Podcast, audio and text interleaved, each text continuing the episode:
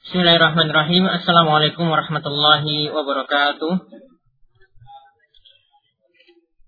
Alhamdulillahilladzi arsala rasulahu bil huda wa dinil haq liyuzhirahu 'ala dini kullihi wa kafa billahi shahida. Wa asyhadu an la ilaha illallah wahdahu la syarika lah wa asyhadu anna Muhammadan abduhu wa rasuluh. Allahumma shalli ala nabiyyina Muhammad wa ala alihi wa man tabi'ahum bi ihsanin ila yaumiddin. Ikhwani Fiddin Wa akhwati fillah Bapak-bapak dan ibu-ibu sekalian yang semoga selalu dirahmati oleh Allah Subhanahu wa taala. Alhamdulillah kita bersyukur kepada Allah Subhanahu wa taala atas berbagai macam nikmat yang Allah Subhanahu wa taala anugerahkan kepada kita sekalian. Nikmat sehat, begitu juga nikmat waktu senggang, yang di mana dua nikmat ini kata Nabi SAW itu sering dilalaikan oleh kebanyakan manusia. Nabi SAW itu pernah bersabda, nikmatani makbulun fiya kathirun minan nas as-siha wal farah. Dua nikmat yang sering dilalaikan oleh manusia yaitu nikmat sehat dan waktu luang. Kata para ulama jika dua nikmat ini terkumpul yaitu sehat dan sekaligus waktu luang maka orang itu akan memanfaatkannya dengan sia-sia mungkin main kartu, mungkin nonton film, ya, mungkin jalan-jalan ke pantai, ya. Istilahnya adalah cuci mata, ya. Cuci mata lihat pandangan, orang buka urat dan seterusnya. Dua nikmat ini terkumpul tuh bahaya sekali. Oleh karena itu kita bersyukur kepada Allah Subhanahu wa taala, nikmat ini bisa kita manfaatkan dengan baik. Kita diberikan waktu luang sehingga kita bisa datang ke masjid ini. Kita diberikan kesehatan juga sehingga kita bisa melangkah kaki kita ke masjid yang, yang mulia ini karena nikmat yang diarahkan, nikmat yang dimanfaatkan pada jalan yang benar, itulah orang yang dikatakan mensyukuri nikmat. Dia mensyukurinya dengan hatinya, dia akui itu nikmat Allah. Dia mensyukurinya dengan lisannya, bahwasanya ini adalah nikmat Allah. Kemudian dia mengakuinya juga dengan, dia buktikan dengan anggota badannya, dia manfaatkan nikmat tersebut untuk melakukan ketaatan kepada Allah Subhanahu wa taala. Bukan melakukan maksiat ya dengan nikmat yang Allah Subhanahu wa taala berikan. Oleh karena itu para salaf itu pernah mengatakan kullu nikmatin la tuballighu ila Allah azza wa jalla la tuqarribu ila Allah azza wa jalla baliyah.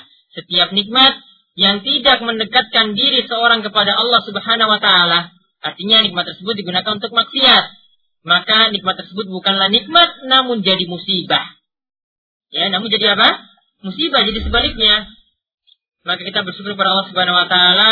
Inilah mudah-mudahan jadi bukti bahwasanya kita itu menjadi orang-orang yang bersyukur. Maka dengan kita itu rajin bersyukur kepada Allah Subhanahu wa taala dengan umur yang diberikan ini mudah-mudahan semakin barokah. Mudah-mudahan Allah Subhanahu wa taala memberkahi umur kita dengan diberikan rizki yang barokah kemudian diisi dengan hari-harinya diisi dengan beribadah berzikir kepada Allah Subhanahu wa taala mengingat Allah Subhanahu wa taala kemudian menuntut ilmu dan ilmu tersebut itu diamalkan dan mudah-mudahan Allah Subhanahu wa taala memudahkan jalan kita untuk menuju surga Allah Subhanahu wa taala.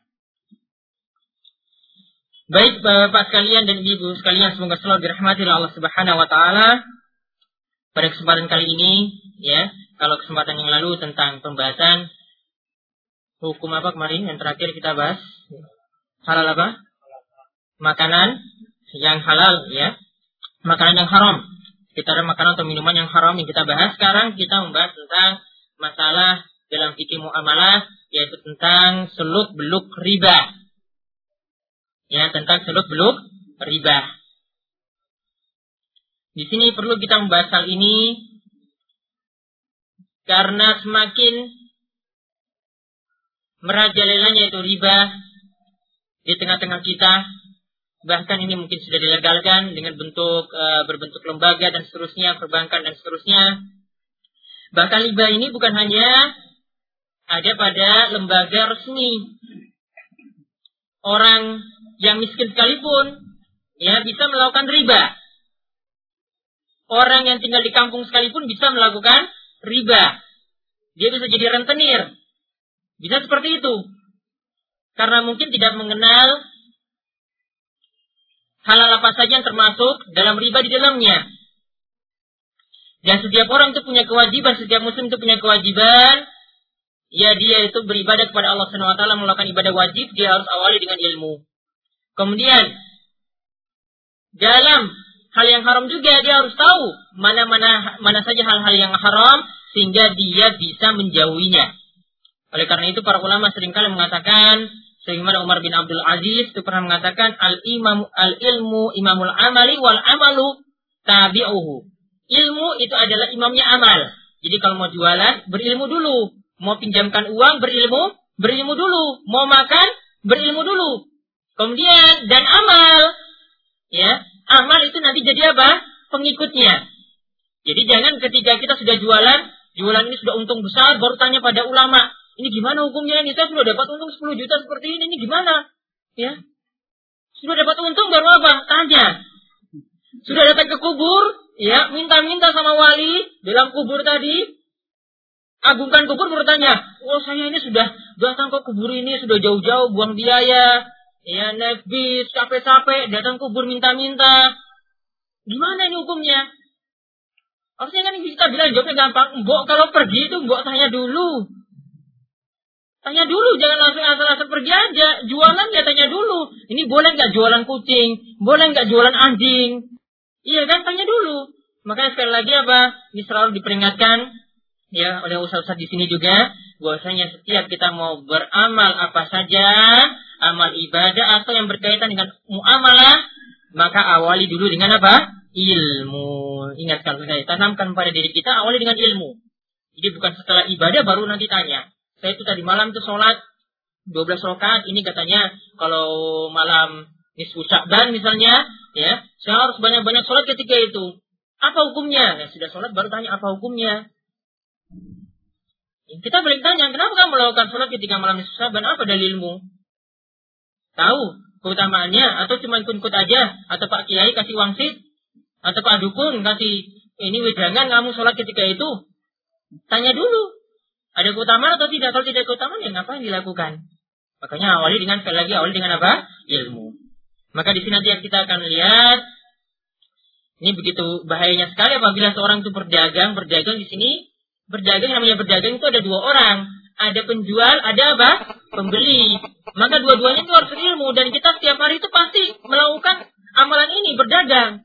Gak mungkin seorang itu hidup tanpa berdagang itu gak mungkin. Gak mungkin seorang itu tanpa membeli atau dia itu jual barangnya itu nggak mungkin mustahil. Maka setiap orang itu punya kewajiban untuk menguasai ilmu ini. Oleh karena itu coba diperhatikan di sini ada beberapa perkataan ulama lihat di artikelnya, di makalahnya. Ini bahaya orang yang ya yang masuk pasar atau melakukan jual beli tapi tidak punya ilmu sama sekali. Lihat ada perkataan pertama dari Asuki dan Ibnu Abi Bakar mengatakan bahwasanya Malik bin Anas. Ini sahabat. Itu mengatakan, Falam ara syai'an asyarra minar riba anna Allah Ta'ala azina fihi bil harf. Ini tentang bahaya riba kata Malik bin Anas. Ya, dia terlebih dahulu membawakan perkataan bahwasanya aku tidaklah memandang suatu yang lebih jelek dari riba karena Allah Ta'ala itu menyatakan akan memerangi orang yang tidak mau meninggalkan sisa riba yaitu pada firman Allah Subhanahu wa taala fa'azanu biharbin minallahi wa rasuli maka ketahuilah ya atau izinkanlah bahwa Allah dan Rasulnya itu akan memerangi disebabkan orang itu dia meninggalkan sisa riba. Lalu Umar bin Khattab itu mengatakan di bawahnya ini perkataan yang lainnya ya la yastajir fi sukina illa man akla riba. Ya jangan berdagang di tempat kami. Artinya jangan masuk pasar. Kalau nggak punya ilmu itu kata Umar dulu kalau di zamannya jangan masuk pasar dulu apa? Sebelum kalian tuh paham betul mengenai apa? Seluk beluk riba. Orang nggak paham riba itu nggak boleh masuk pasar kalau zaman Umar kalau kita tuh asal-asalan semuanya. Ya, mau orangnya bodoh sekalipun ya, mau orang yang pintar sekali masuk pasar semua. Jadi ada tindak penipuan di dalamnya, ada yang jual barang palsu ya, ada yang jual barang itu asal-asalan. Gak diilmui terlebih dahulu. Kemudian Ali bin Abi Thalib juga pernah mengatakan, "Man ittajara qabla ayatafaqaha irtabata fir riba, irtatama fir riba, irtatama summa irtatama summa irtatama." Barang siapa yang berdagang namun belum memahami ilmu agama. Dia nggak paham hukum jual beli yang diterangkan oleh Islam. Maka kata Ali bin Abi Thalib, dia pasti akan terjerumus dalam riba, dia akan terjerumus dalam riba, dia akan terjerumus dalam riba. Dia katakan sampai tiga kali. Bahaya sekali. Ya bahaya sekali kalau orang itu kalau dalam melakukan aktivitas jual beli tidak memahami hukumnya. Maka di sini ini bukan hanya untuk masalah kita memahami riba, riba di sini bukan hanya untuk penjual, pedagang bukan, yang ada di pasar bukan. Karena pembeli juga harus memahami. Ya, karena pembeli juga harus memahami. Sehingga nanti akan dijelaskan tentang e, masalah riba ini sampai Allah Subhanahu wa taala itu melaknat orang yang jadi nasabahnya juga, ya yang pinjam uang sama rentenir. Itu juga terlak nanti akan dijelaskan berikutnya. Nah, setelah itu kita langsung masuk pembahasan apa yang dimaksudkan dengan riba. Kita masuk terlebih, terlebih dahulu dalam definisi riba itu secara bahasa artinya tambahan atau tumbuh atau subur. Pokoknya kata-kata yang mirip dengan tambahan. Makanya riba itu biasanya itu ada tambahannya. Orang yang melakukan muamalah riba itu biasanya ada apa? Tambahan. Nah, asal secara bahasa makna riba secara bahasa ini seperti dalam ayat surat Al-Had ayat 5 atau surat Fusilat ayat 39. Fa'iza anzalat alaihal ma'ah tazzat warobat. Dan apabila kami turunkan air, yaitu turunkan hujan di atasnya, niscaya ia akan bertambah dan tumbuh subur. Robat di sini ada kata robat, ini dari kata riba. Maknanya di sini adalah tambah atau su, subur, berarti berkembang. Riba juga sifatnya seperti itu, bertambah atau berkembang. Semulanya 10 juta kita pinjam, karena kena riba, kena riba, bisa jadi 15 juta. Berkembang, berkembang, dan terus berkembang. Nah, secara bahasa, nah ini nanti definisinya akan lebih dijelaskan lebih luas nanti dalam masalah contoh-contoh nanti biar mudah dipahami. Pokoknya dalam masalah e, riba di sini lihat saja pengertian dari Ibnu Qudamah. Dia e, jelaskan singkat. Ibnu Qudamah itu mengatakan riba adalah aziyadah fi asya maksusah. Riba itu adalah tambahan. Sebagaimana makna bahasanya ya? Makna bahasanya tambahan. Tambahan pada barang dagangan atau komoditi tertentu. Nanti ada dalam masalah utang itu ada, ada dalam masalah barang-barang yang para ulama katakan enam komoditi ribawi. Jadi ada pada barang-barang tertentu, tidak pada semua barang. Lalu kita lihat selanjutnya apa hukum riba. Hukum riba tidak dilakukan lagi itu adalah haram. Dan ini menjadi ujma atau kesepakatan para ulama. Dan yang mengharamkannya seperti seperti firman Allah Subhanahu wa taala dalam surat An-Nisa ayat 161 wa akhdhihim riba wa qad nuhu anhu dan disebabkan mereka itu makan riba pada sesungguhnya Allah telah melarang untuk memakan riba. Begitu juga dalam firman Allah Subhanahu wa taala surat Ali Imran ayat 130. Ya ayyuhalladzina amanu la ta'kulur riba. Di sini gunakan apa? La ta'kulur riba ad'afa mudha'afa wattaqullaha la'allakum tuflihun. Wahai orang-orang yang beriman, janganlah kalian tuh makan riba dengan berlipat ganda. Dan bertakwalah kamu kepada Allah supaya kamu mendapatkan keberuntungan. Di sini katakan la ta'kulu. Hukum asal larangan di sini ini adalah kalimat larangan. Hukum asal larangan itu menunjukkan haramnya. Hukum asal larangan, kata para ulama itu haram. Lalu di sini ada kata ada apa apa dengan berlipat ganda. Berarti kalau sedikit saja saya ambil untung 50 perak aja, boleh nggak? Jawabannya nggak. Di sini nggak bisa dipahami kalau sedikit itu boleh. Di sini cuma ibarat saja berlipat ganda, tapi sedikit juga tetap haram. Begitu juga Allah SWT berfirman tentang haramnya riba. Wa halallahul bay'a wa riba. Allah menghalalkan jual beli. Jual beli itu boleh. Namun apa Allah itu mengharamkan riba. Riba itu haram.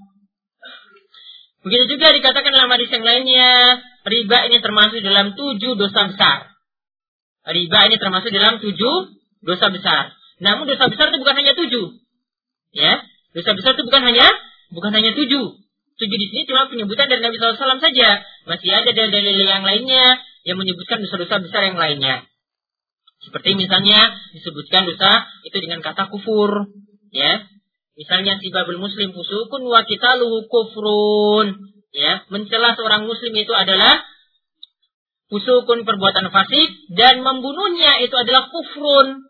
Ada suatu bentuk kekufuran. Ini bukan menunjukkan kafir, namun menunjukkan ini dosa besar. Ditipati dosa tersebut dengan nama kufur. Nah, lihat tujuh dosa besar ini Nabi SAW ketika ditanya, ya, ketika menyebutkan Istani busaba al mubiqat jauhilah tujuh, tujuh dosa besar. Kemudian para sahabat bertanya, ya wa mahunna apa saja wahai Rasulullah? Kemudian Nabi SAW itu merinci.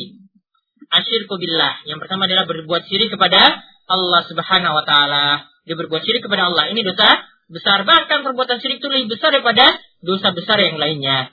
Orang yang memakai ya memakai jimat, memakai raja, memakai azimat, ya, kemudian memakai pelet.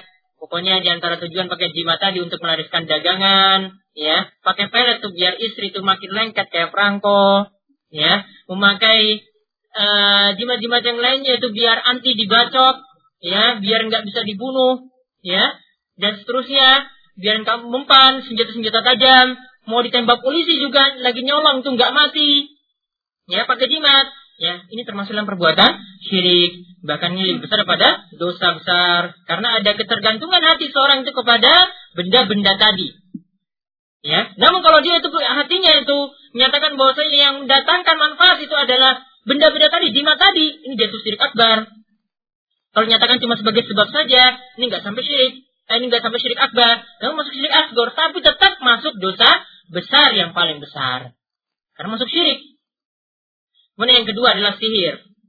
Ya. Karena biasanya sihir ya ini uh, di dalamnya terdapat bentuk-bentuk kekufuran bahkan ya membuat tukang sihir tersebut itu jadi murtad. Karena kadang dia itu istiadah kepada meminta tolong kepada jin. Ya, sampai harus melakukan perbuatan-perbuatan yang di situ adalah bentuk penghinaan dirinya sampai merendahkan dirinya sendiri atau sampai merendahkan Al-Qur'an, ya, dia perlu memotong Al-Qur'an kemudian ya dikasih jimat-jimat dalamnya dikasih darah, ditulis darah dalam Al-Quran tersebut, kemudian disimpan atau dibuang di selokan, kemudian sampai melakukan perbuatan-perbuatan yang menghina agamanya sendiri. Lalu datang jin yang akan menolongnya. Nah, itu dalam sihir, sini masuk dosa besar, bahkan bentuk kekufuran juga. Karena ada dalamnya itu ada bentuk kesyirikan. Kemudian yang ketiga, waqatlun nafsil lati haramallahu illa bilhaq, yaitu membunuh jiwa kecuali kalau membunuhnya eh, membunuh jiwa yang Allah SWT itu haramkan kecuali dengan cara yang benar. Kalau hukum kisos, kalau dia itu melakukan kesalahan, ya boleh. Ya, dia itu dibunuh. Namun asalnya adalah seorang muslim tidak boleh dirangkai. Kemudian berikutnya lagi adalah di sini yang kita bahas yaitu aklur riba. Makan riba ini termasuk dosa besar.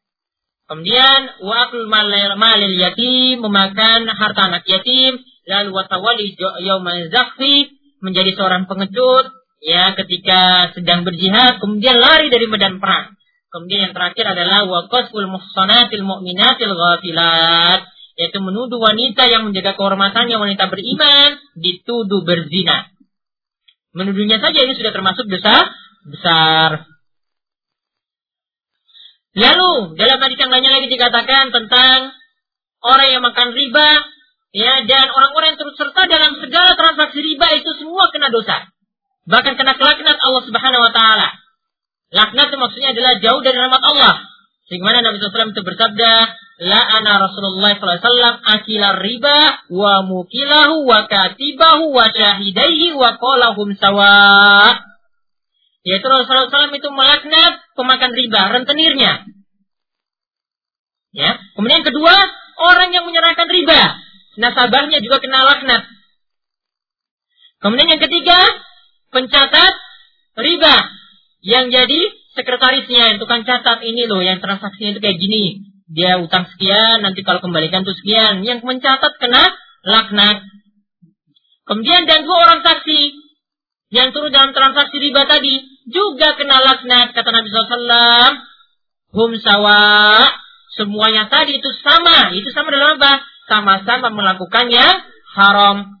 Namun mungkin dalam tingkatan dosa itu berbeda-beda. Tapi sama-sama mereka itu melakukan perbuatan yang haram.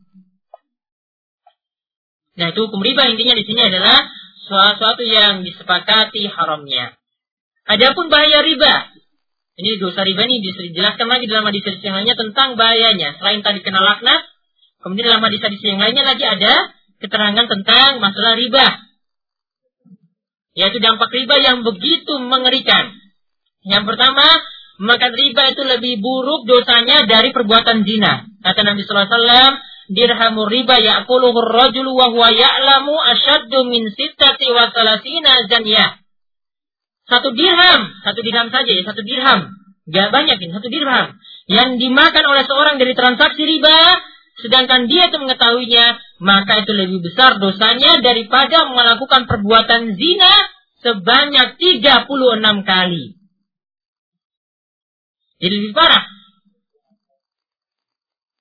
Dalam hadis yang lagi dosa makan riba itu seperti dosa seorang yang menjinai ibu kandungnya sendiri.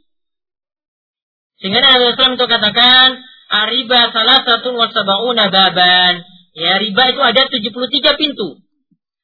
Aisaruha mislu ayangkiha rajul ummu, ummahu wa an arbar riba irdur rajul rajulil muslim. Riba pintu yang paling ringan dari 73 pintu tadi itu adalah ya pintu riba yang paling ringan itu adalah seperti dosanya seperti seseorang menikahi ibu kandungnya sendiri. Menikahi di sini maksudnya apa? Berzina. Karena nggak boleh seorang itu menikahi ibu kandungnya sendiri. Itu namanya zina. Lalu Nabi SAW katakan pintu riba yang paling parah itu jika seorang itu melanggar kehormatan seorang muslim. Lalu yang terakhir sini kami sebutkan yang ketiga, dampak riba itu adalah Di mana kata Nabi SAW ini bisa memberikan dampak kepada lingkungan, kepada masyarakat. Yaitu Nabi SAW katakan, Iza zoharo zina war riba fi korjatin faqad ahallu bi anfusihim azab Allah. Jika telah nampak zina, sekarang sudah nampak zina apa belum? Makin mudah kan, kalau punya HP kan? Direkam ya kan? Mau trik-triknya semuanya direkam di situ. Ya pada belum nikah, sudah masuk video, sudah masuk YouTube, oh semua orang orang lihat sekarang. Itu seakan-akan itu orang zina akhirnya kayak di jalan-jalan.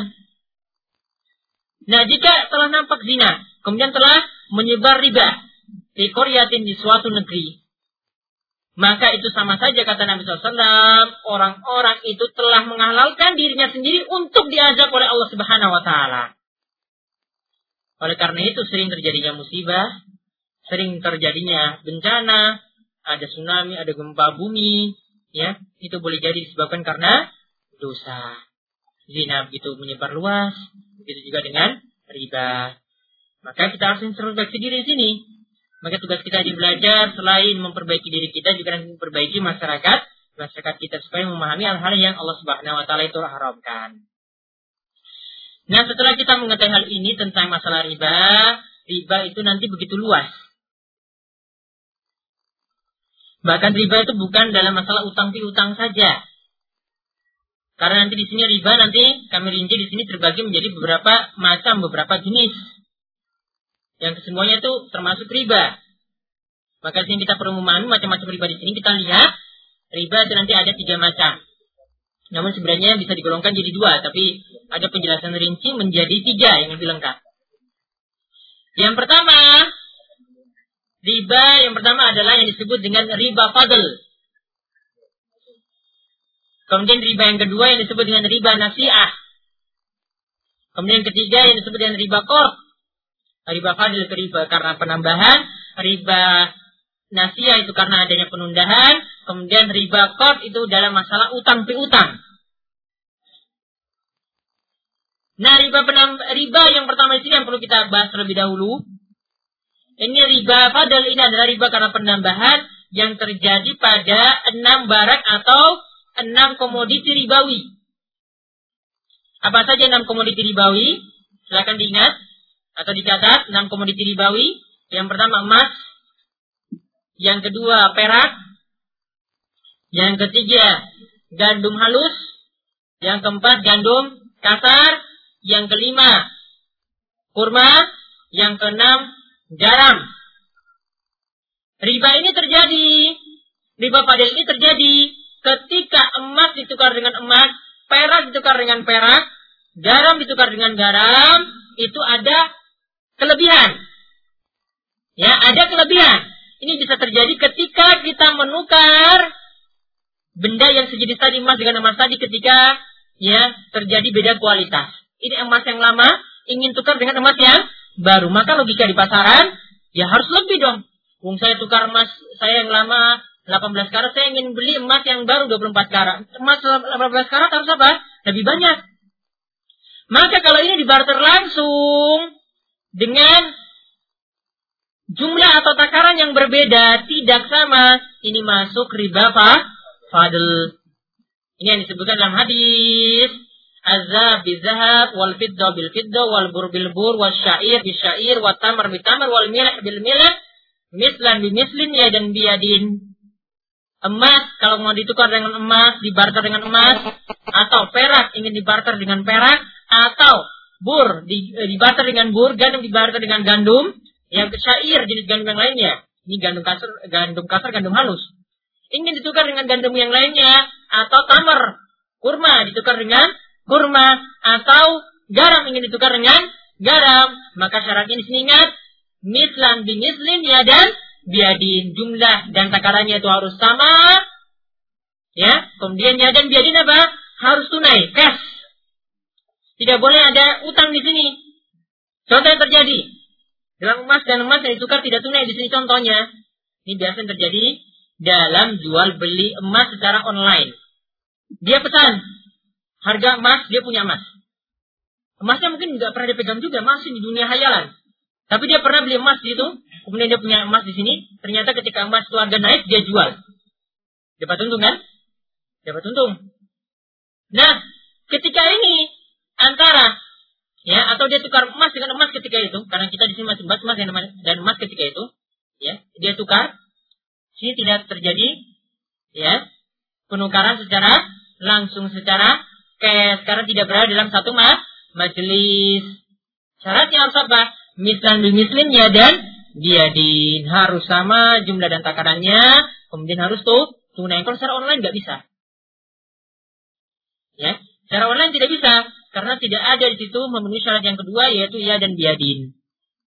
Kemudian Nabi SAW katakan, "Faman zada austazada faqad arbal al-akhizu wal mu'ti fihi sawa." Siapa yang menambah atau meminta tambahan, ya, tukar emas 18 karat dengan 24 karat, dia minta tambahan, maka ia telah berbuat riba. Orang yang mengambil tambahan tersebut dan orang yang memberinya itu sama-sama terjatuh dalam dosa. Jadi kalau mau tukar emas yang lama, jual emas yang lamanya dulu. Dapat uangnya, kemudian apa? Beli yang bah, baru. Ini bukan tukar emas dan emas. Saya tukar emas dan uang. Kalau tukar emas dan uang, nggak masalah. Ya, nggak masalah sini nggak dia ada syarat jumlah harus sama, nggak masalah. Tapi harus tetap tunai. Dalam hadis yang lainnya juga disebutkan yang sama. Intinya sini riba fadl terjadi pada enam komoditi tadi, ya, terjadi pada enam komoditi tadi, ya, yaitu sesama jenis, sesama jenis emas dan emas atau perak dan perak, kemudian ada jumlah yang berlebih. Paham ya riba fadl ya? Nah, nanti semisalnya nanti saya akan jelaskan selainnya. Semisalnya untuk enam komoditi tadi para ulama itu jelaskan lebih luas. Ternyata tidak dibatasi enam komoditi saja, tapi mereka lihat sebab sebabnya kenapa atau ilahnya kenapa itu masuk enam komoditi tadi. Maka para ulama itu katakan emas dan perak ini dikelompokkan jadi satu, kemudian gandum halus, gandum kasar, e, garam, kemudian kurma ini jadikan satu. Emas dan perak ini nanti dimisalkan dengan segala sesuatu yang berupa alat tukar dalam jual beli. Berarti yang termasuk alat tukar sini adalah uang. Berarti uang di sini masuk. Jadi tidak boleh ya seorang misalnya pas lebaran ingin dapat uang pecahan kan? Kan biasanya kalau mau lebaran kan ingin bagi apa istilahnya? Ampau ya, ampau. Jadi butuh uang-uang kecil, nggak mungkin masa kasih anak kecil kok kasih kasih seratus ribu ya kan? Uang biasanya dapat seribu itu sudah senang dia beli permen ya kan? Maka cari pecahan kecil.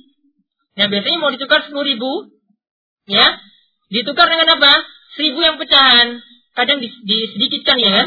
Gak sampai mungkin sepuluh ribu tukar dengan sembilan ribu saja. Sini jumlahnya tidak sama. Ini termasuk dikategorikan ini masuk riba padahal juga karena ini termasuk alat tuh tukar. Begitu juga kalau mau tukar real juga sama. Mau tukar real dengan real, ya itu harus apa? Harus sama jumlahnya. Nanti kalau mata uangnya beda nanti ada penjelasannya sendiri. Nah, Kemudian kurma, lalu garam, lalu gandum tadi ini digolongkan. Ya ini beda pendapat di antara para ulama. Intinya di sini adalah ini digolongkan pada bahan makanan yang bisa ditakar atau ditimbang. Ya, bahan makanan yang bisa ditakar atau ditimbang. Jadi misalnya beras, ya mas dalam ini beras kalau mau ditukar dengan beras, beras rojo lele, mau ditukar dengan beras bulog yang lebih jelek, ya, maka harus apa?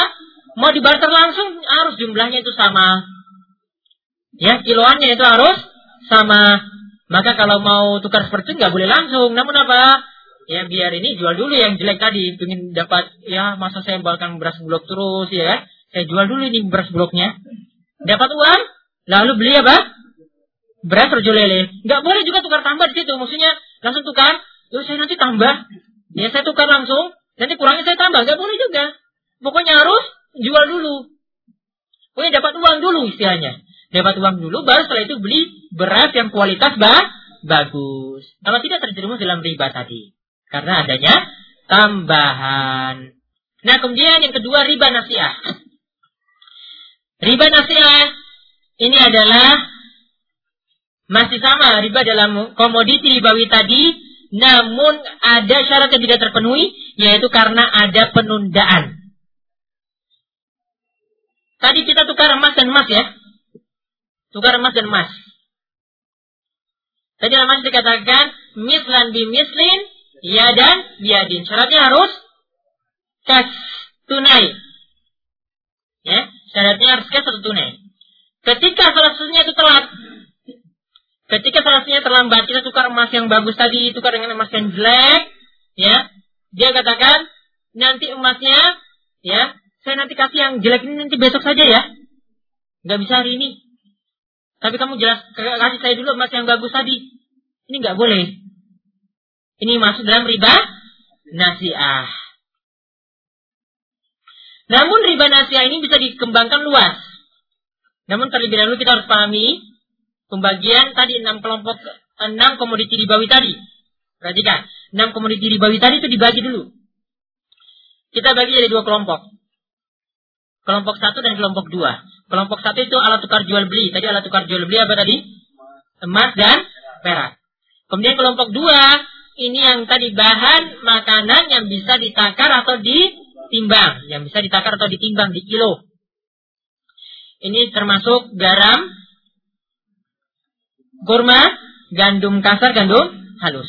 Ini masuk kelompok dua. Aturannya di sini ada beberapa aturan di sini ada tiga aturan yang perlu diperhatikan. Aturan pertama, jika kita ingin menukar yang sesama jenis, masih satu kelompok ya, tapi satu sama jenis ini. Artinya emas ditukar dengan emas. Ini satu jenis, saya sebut satu jenis. Maka syaratnya ada dua. Tukar emas dan emas, syaratnya ada dua. Yaitu apa? Yang pertama, jumlah dan takarannya harus sama. Yang kedua harus cash.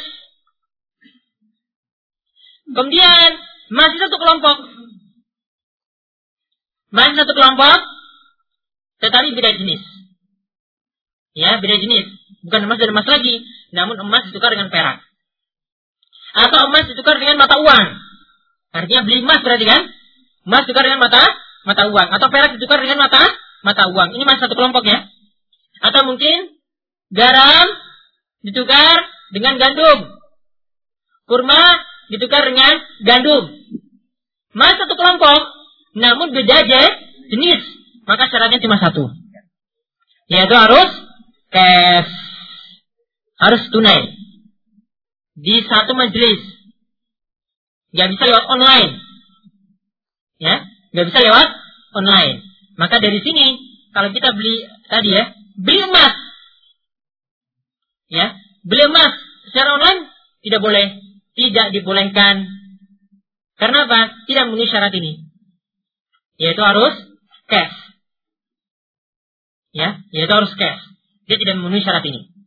Begitu juga tidak boleh ada jual beli emas secara kredit. Paham? Ada ini ada kasus betul, ya. Kredit nggak boleh juga. Kenapa? Syaratnya harus cash. Uang ada, barang ada, emas ada, ditukar langsung tunai. Nggak boleh ada yang kredit. Paham ya? Kemudian yang ketiga, jika yang ditukar di sini adalah masih barang ribawi, namun sudah beda kelompok. Emas ditukar dengan kurma. Atau uang ditukar dengan kurma. Uang ditukar dengan garam. Uang ditukar dengan beras. Maka tidak ada syarat. Boleh beda takaran, ya beda jumlahnya. Boleh tidak tunai, tidak cash. Maka boleh utang beras. Ya, maka boleh utang kurma. Karena tidak ada syarat di sini. Ya, tidak ada syarat di sini. Sedangkan untuk barang-barang selain ribawi tidak ada masalah. Mau utang mau kredit motor ya boleh. Asalnya boleh. Yang kita bahas ini masih barang di ribawi. Paham di sini? Ya? Paham ya? Jadi ingat tadi ketentuan tadi ya. Pokoknya kalau satu jenis emas dan emas syaratnya berapa? Dua. Yaitu harus apa? Cash dan sama. Kemudian yang kedua emas satu kelompok tapi beda je, jenis. Syaratnya cuma satu itu apa? Harus cash. Kemudian kalau beda kelompok, yang sudah beda kelompok, ini tidak ada syarat boleh tidak tunai ketika itu. Maka riba nasiah di sini terjadi tadi, ya ketika kita itu jual beli emas secara kredit, ya kita beli emas secara online, ini tidak ada bentuk cashnya, maka terjerumus dalam riba nasiah. Lalu yang ketiga, riba yang ketiga adalah yang disebut dengan riba kort. Riba yang ketiga di sini disebut dengan riba kort, yaitu riba dalam masalah utang piutang. Namun ini para, para ulama, sebagian ulama masukin dalam riba nasiah. Riba kort ini terjadi yaitu ketika seseorang meminjam uang meminjam uang, kemudian ketika pengembalian di situ ada tambahan. Ya, ketika ada pengembalian di situ ada tambahan. Kalau di masa jahiliyah terdahulu, penambahan ketika pinjam uang itu terjadi kalau ada keterlambatan. Jadi kalau kita pinjam uang sekarang jatuh tempo, misalnya bulan Maret di sini jatuh tempo, ya, kalau bayar tepat waktu nggak ada masalah. Dulu di masa jahiliyah. Namun kalau telat, baru nanti ada denda istilahnya. Kalau zaman sekarang itu denda. Ya. Jadi kalau denda di sini ya masuk riba jahiliyah juga. Ya. Namun kalau sekarang riba nasihat itu lebih parah lagi. Riba riba yang dalam masalah utang piutang itu lebih parah lagi. Kenapa? Belum masuk jatuh tempo lagi sudah kena riba. Ya toh? Jadi riba sekarang itu lebih parah daripada riba jahiliyah. Mau bayar tepat waktu tetap kena riba. Sudah ada tambahan mau datang eh, bayar telat lagi? Ada tambahan lagi lebih banyak lagi. Ya lebih pak parah. Nah untuk kaidah ini perhatikan. Para ulama memberikan kaidah. Ya para ulama itu memberikan kaidah dalam masalah riba ini. Ya kullu qardin jaro naf'an bahwa riba. Setiap utang piutang yang di dalamnya itu ada keuntungan ada profit ada keuntungan dalamnya, maka itu adalah riba. Keuntungan tersebut adalah riba. Atau dalam perkataan yang lainnya seperti yang dikatakan oleh Ibnu Qudama, wa kullu qardin syarata fi ayyazidahu fa huwa haramun bi ghairi khilaf. Setiap utang piutang yang disyaratkan, jadi disyaratkan ya. Artinya sudah ada kesepakatan atau mungkin itu sudah jadi kebiasaan di masyarakat tersebut. Pokoknya kalau pinjam uang itu harus ada tam tambahan. Meskipun tidak ada hitam di atas putih, tapi masyarakat sudah tahu. Pokoknya kalau pinjam uang di tempat si pula, pokoknya harus ada tambahan. Ya ini disyaratkan di di awal. Ya, maka di sini katakan bahwa haramun itu adalah haram di ghairi Tidak ada perselisihan di antara para ulama. Jadi tidak ada khilaf di sini, tidak ada khilaf dalamnya. Maka perlu diperhatikan di sini kalau kita katakan tadi syaratnya itu dipersyaratkan di awal, maka kalau misalnya misalnya seseorang itu berbuat baik, dia sudah e, dipinjamin uang, kemudian atas kerelaan si peminjam sendiri dia beri tambahan. Sudah dipinjamin 2 juta, ya. Alhamdulillah sudah mau kembalikan, sudah bisa kembalikan karena sudah dibantu. Ya, akhirnya datang bawa minuman, ya, bawa berbagai macam ah, oleh-oleh lah untuk dia sudah dibantu. Tanpa ada syarat. Maka seperti ini, ini termasuk bentuk berbuat baik, tidak termasuk ri, riba. Ini termasuk dalam sabda Nabi SAW, rahimallahu imra'an, samhan iza ba'a wa iza ashtara wa iza qtada. Semoga Allah SWT itu merahmati seorang yang dia itu berbuat baik ketika dia itu menjual, ketika dia itu membeli, dan ketika dia melunasi utangnya. Ketika dia menjual itu gimana?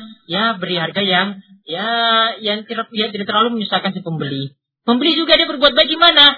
Ya menolong si penjual lah. Jadi pertengahan. Jangan sampai pembeli katakan, wah kamu ini apa sama kayak begini. Ya, tolong dia. Apalagi itu kalau muslim, apalagi muslim yang rajin sholat yang jualan bantu. Wah, cuma saya rugi sedikit aja ya nggak apa-apa. Begitu juga di sini termasuk pujian bagi apa? Orang yang baik ketika apa? Mengembalikan uh, utang itu berbuat baik seperti itu.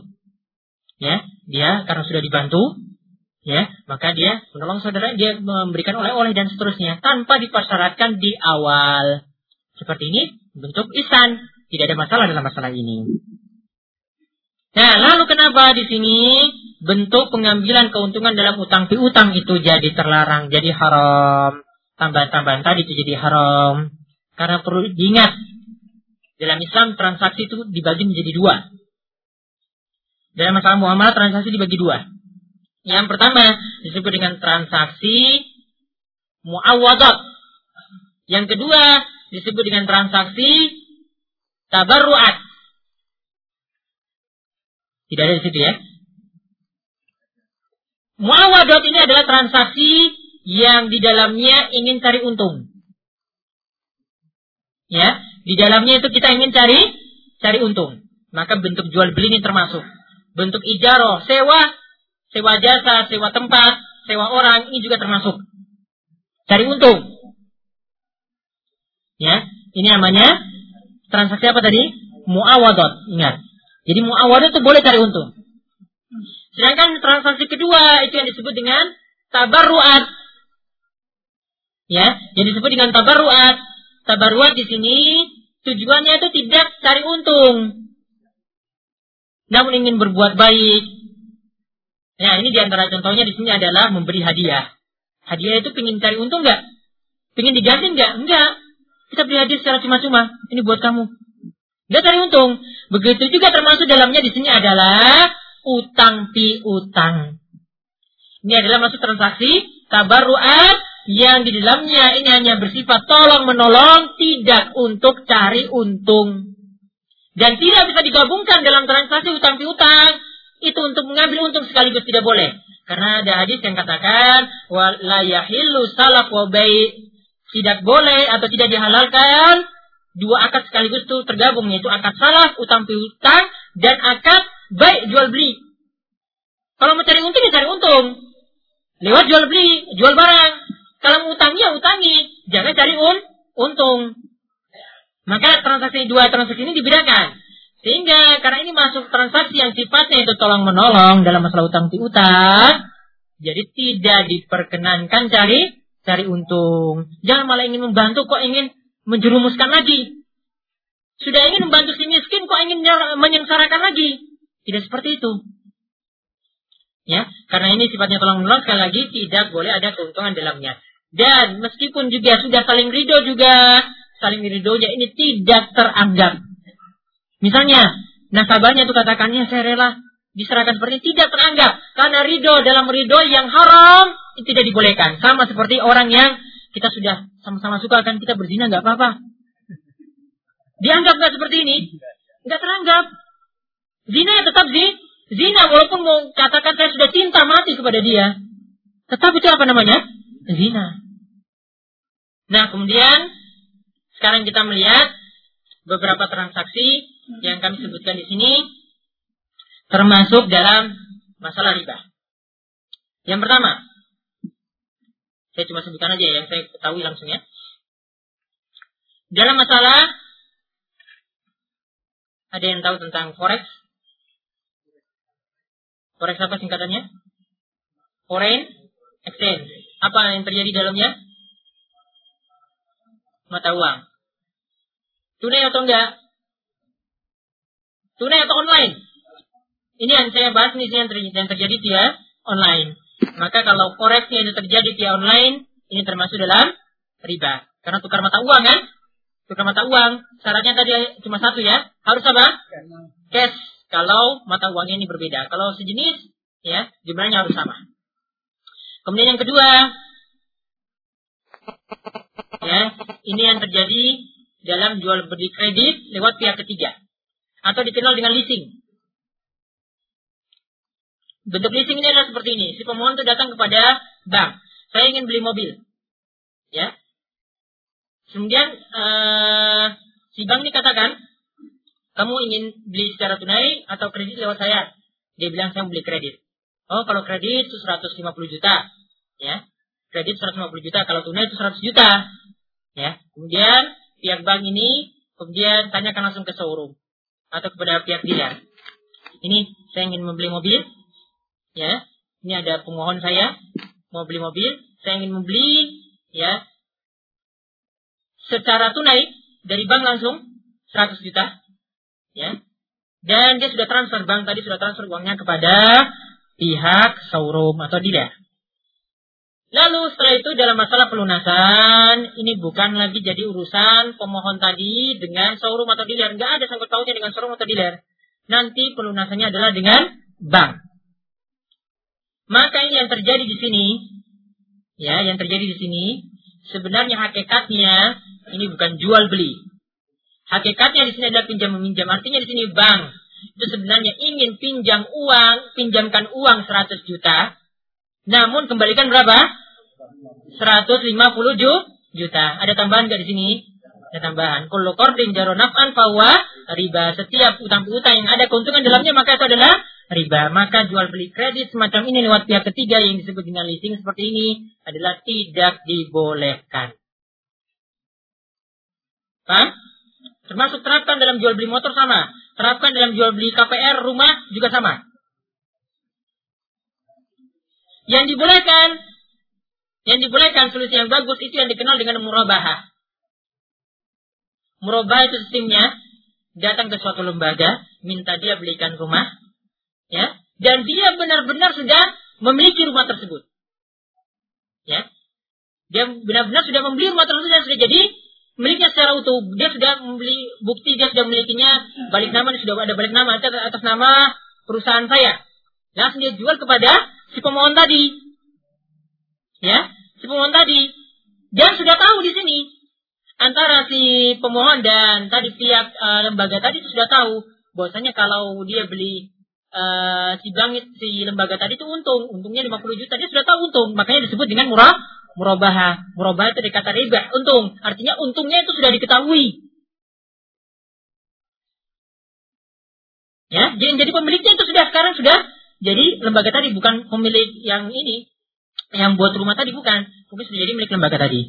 Ini disebut dengan murabaha dan ini dibolehkan. Kalau ada bentuk seperti ini, ini yang dibolehkan. Kalau akalan-akalan seperti tadi, yang terjadi lewat pihak ketiga, lewat bank perkreditan atau lewat bank sendiri, ya, ini tidak dibolehkan.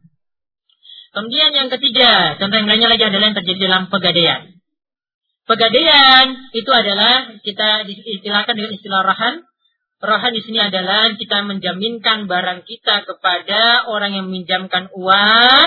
Nanti kalau seandainya utangnya itu tidak bisa dilunasi, maka dengan barang yang kita miliki ini, ya, nanti itu dijual untuk melunasi utang tersebut. Boleh jadi nanti ada sisa dari penjualan untuk melunasi utang tadi nanti kembali kepada si pemilik barang, ya, boleh jadi itu semuanya sudah pas ya dengan utangannya tadi. Atau mungkin kurang kalau kurang berarti harus ditambah. Nah, di sini keadaan yang terjadi adalah seperti misalnya gadai sawah. Ribanya itu adalah karena ingat pegadaian eh, gada di sini termasuk dalam masalah utang piutang juga. Jadi tidak boleh ada ada barang gada yang dimanfaatkan oleh si pemberi pinjaman. Si pemberi uang. Tidak boleh dimanfaatkan sama sekali karena masuk kaidah umum dalam masalah utang piutang. Kullu qardin jaronaf'an fahuwa riba. Jadi tidak boleh misalnya sawah itu digadaikan kemudian yang peminjam uang yang memberikan pinjaman itu katakan saya selama setahun sampai utang itu saya manfaatkan sawah ini untuk ya untuk ya digarap Nanti hasilnya nanti untuk saya. Ada untung nggak di sini? Untung. Termasuk untung dalam utang piutang nggak? Termasuk, termasuk riba. Contoh lainnya lagi dalam uh, akad investasi atau mudoroba atau bagi hasil. Mudoroba itu asalnya perlu diperhatikan mudoroba itu artinya kita bagi hasil bersama. Hasil itu kadang ada dua. Bisa untung, bisa rugi. Asal yang dijalankan dalam Islam, kalau untung dibagi sama-sama, rugi dibagi sama-sama. Jadi sama-sama sama-sama senang, sama-sama sengsara lah. Karena apa di sini? Dalam mudorobah, ya dalam mudorobah itu ada orang yang jadi pemilik modal. Ya, ada orang yang jadi pemilik modal. Pemilik modal ini, ya, dia itu cuma taruh uangnya saja. Nanti ada yang kerjakan, ada yang jadi uh, orang yang menjalankan usaha.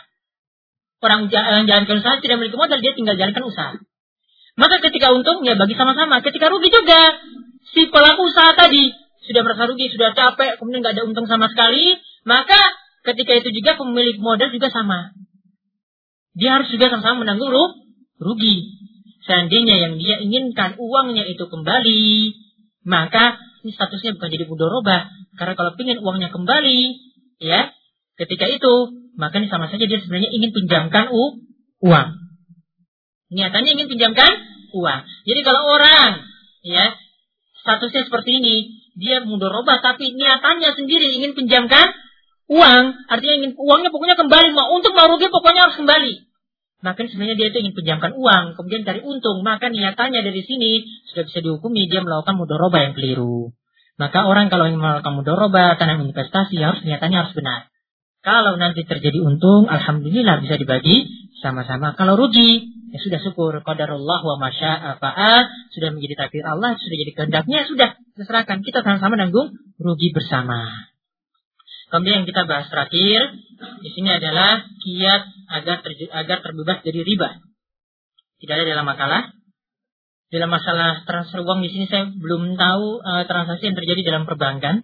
Tetap syarat dalam masalah tukar menukar ini tetap masih berlaku. Artinya di sini untuk masalah transfernya nggak ada masalah ya. Transfer nggak ada masalah.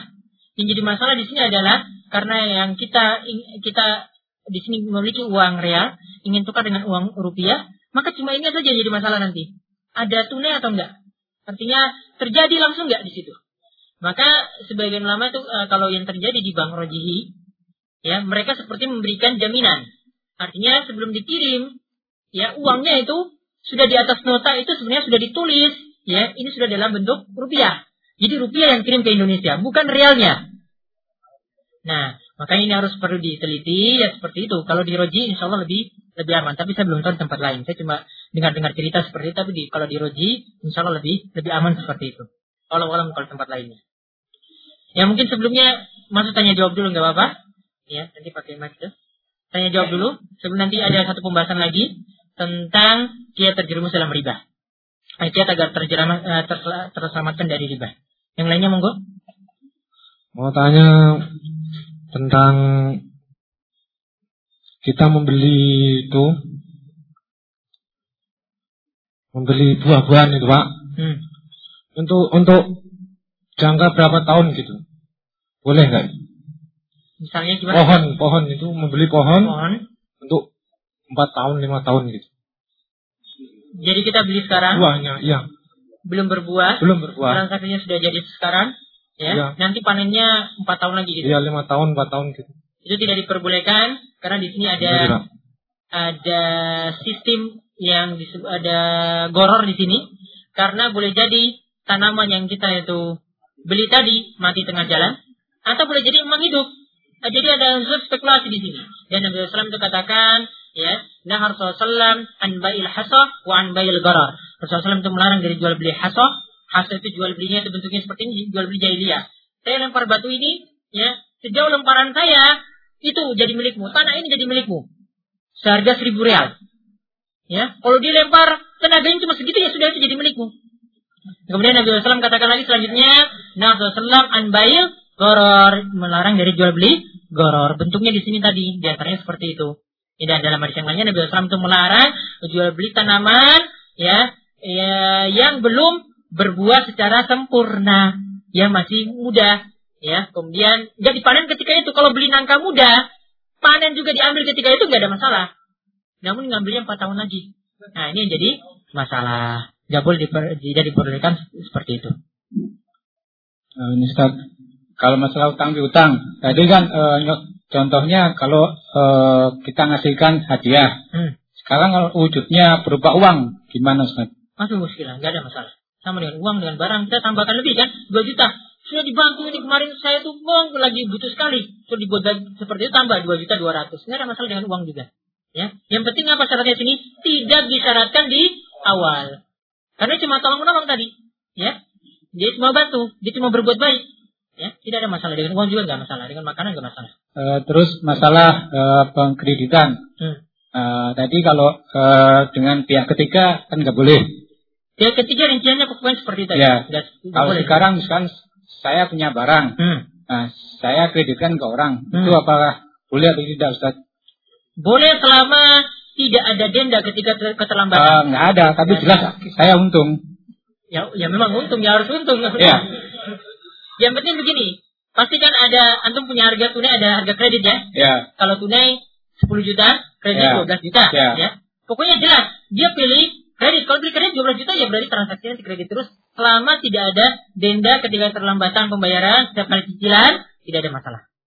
Yang jadi jual beli kredit itu asalnya boleh. Yang lain ada yang di belakang ini dulu. Insya Allah kebagian semua pelan-pelan aja. Assalamualaikum. Tujuan usaha adalah mendapatkan keuntungan sebesar-besarnya. Ya, sahih. Dari mana keuntungan yang diperoleh bank tanpa riba? Kemudian bagaimana dan persyaratannya apa merubah bank konvensional menjadi bank syariah? Demikian. Terima kasih. Saya jawab yang pertama dulu. Ingat firman Allah Subhanahu wa taala tadi yang kita sebutkan di awal, wa halallahu al-bai'a wa riba. Allah itu menghalalkan jual beli dan mengharamkan riba. Jadi jual beli dan riba itu jelas sekali berbeda. Jadi di sini tergantung niatan atau hakikat yang sebenarnya dalam transaksi yang terjadi. Ketika kita ingin jual barang, mau untung berapapun terserah terserah kita, selama tidak ada ketentuan dari dari dari pemerintah, dari penguasa, ya, selama itu tidak ada ketentuan sama sekali, boleh kita cari keuntungan sebesar-besarnya. Dalam masalah jual beli tidak ada larangan untuk mencari untung. Paham? Yang terlarang di sini adalah yang kedua tadi, waharrama riba. Allah SWT itu mengharamkan riba. Riba terjadi bukan terjadi dalam jual beli. Terjadi dalam hakikat sebenarnya itu adalah utang piutang. Jadi kalau transaksi sebenarnya kalau kita tinjau ulang itu adalah utang piutang. Meskipun dia katakan tadi pihak bank katakan saya jual sama kamu, tapi katanya itu adalah utang. Kalau kita lihat ilustrasi atau lihat uh, deskripsi ceritanya, kita lihat itu adalah sebenarnya itu adalah utang piutang, maka tidak boleh sekali di dalamnya tidak boleh ada keuntungan. Jadi lihat dari kita lihat dari transaksi yang dilakukan ya. Jadi kalau itu jual beli boleh cari untung, kalau itu utang piutang tidak boleh sama sekali ada keuntungan. Kemudian yang kedua tadi tentang uh, merubah bank konvensional menjadi bank syariah asalnya boleh dengan niatan yang benar. Ya ini memang niatan yang awalnya yang terjadi di Indonesia. Namun kalau kita menilai sendiri, ya sebenarnya belum 100% itu menjadi bank syariah secara utuh. Bahkan hatta sampai bank yang ada di Saudi juga, para ulama katakan di sini juga seperti Bank Roji itu juga sebenarnya belum sampai 100% juga syariah. Namun sudah mendekati. Ya, sudah mendekati perlahan Namun tentu saja ada kekurangan sana sini ya mesti kita kritik. Kritik ini artinya nasihat. Nasihat itu bukan kita itu jatuhkan bukan. Bahkan ingin saudara kita itu menjadi baik. Sebagaimana kata Nabi SAW ya ad-dinu an-nasiha. Agama itu adalah nasihat. Artinya apa di sini? Yaitu ingin orang lain itu menjadi baik. Jadi kekurangan-kekurangan ada yang ada di bangsa yang ada di Indonesia. Ini dilihat dari satu sisi ada kekurangan di sana sini. Itu yang mesti kita luruskan. Tapi itu sudah jadi niatan yang baik. Insya Allah mudah-mudahan juga mendapatkan pahala di sisi Allah Subhanahu Wa Taala ya, jadi itu sudah bagus tapi apa? Tidak 100% sempurna. Ada beberapa transaksi yang di sini belum memenuhi uh, memenuhi uh, berjalan sesuai dengan syariat Islam dan perlu dikritik sana sini. Baik seperti itu. Yang lainnya monggo. Assalamualaikum warahmatullahi wabarakatuh. Ustaz, kalau kendaraan itu apakah termasuk barang ribawi? Apa yang kendaraan. Kendaraan. Jadi apakah dia kena hukum riba? Kalau misalkan kita tukar tambah kendara, uh, kendaraan? Ya, oke. Tukar tambah kendaraan tadi lihat ya. Tadi sudah ada enam komoditi, kemudian dimisalkan dengan alat tukar jual beli, dimisalkan lagi dengan segala barang yang bah bahan makanan. Kendaraan bisa dimakan nggak? Nggak bisa ya, berarti tidak termasuk komoditi riba bisa di ini mungkin ya, bisa di kilo kalau di ini kan. Jadi kilo tapi dia bukan bahan makanan. Ya, bukan bahan makanan maka ketika kita ingin tukar tambah dalam jual beli motor, jual beli mobil, nggak ada masalah. Gimana?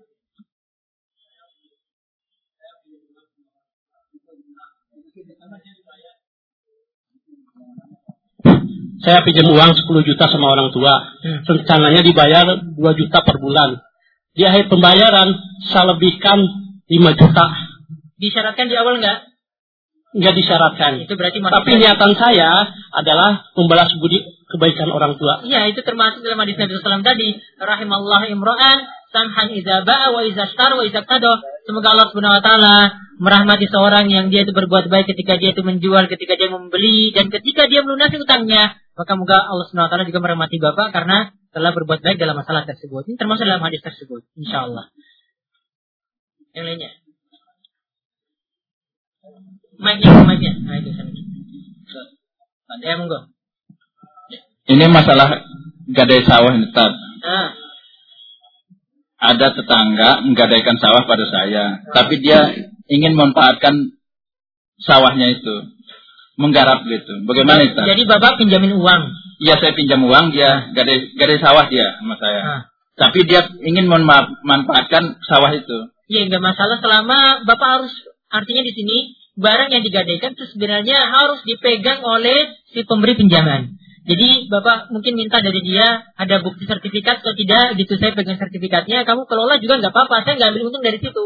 Saya cuma bukti, bukti sertif, sertifikat kepemilikan dia terhadap tanah tersebut. Itu yang jadi jaminan. Ya, karena kalau cuma sekedar omongan saja nanti cuma omongan nanti nggak lunas lunasi seperti itu. Cuman katanya hasilnya bagi dua gitu, tak? Oh, hasilnya nggak boleh bagi dua. Nggak boleh ya? Nggak boleh. Bukan sih. ya, bukan bukan saya, tak, tapi yang punya sawah. Huh? Yang punya sawah yang menjadi ya, ya. yang menjadi. Ya, pertanyaannya diselesaikan dulu ya. Nggak boleh bagi dua. Nggak boleh. Hasilnya bukan untuk dia. Oh. Ya. Hasilnya punya untuk dia antum nggak boleh cari untung sama sekali ketika itu. Yang lainnya?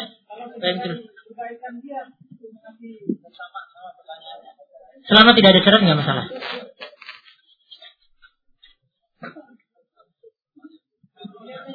Oh sama, sama-sama. Mungkin ini yang yang pinjam uang tadi. uh, Pak Ustaz, saya mau tanya uh, tentang tabungan. Uh, saya selama ini menabung untuk anak saya, masa depan anak saya. Hmm. Uh, selama sekian tahun lah gitu. Hmm. Nanti di saat uh, di waktu nanti kita mau ngambil uang tabungan tersebut, ada uh, lebihnya. Apakah itu termasuk uang riba apa? Baik. Maka yang pertama dulu saya jelaskan tentang hukum menabung di bank, boleh atau tidak. Ya, kita sudah tahu jelaskan tadi ya.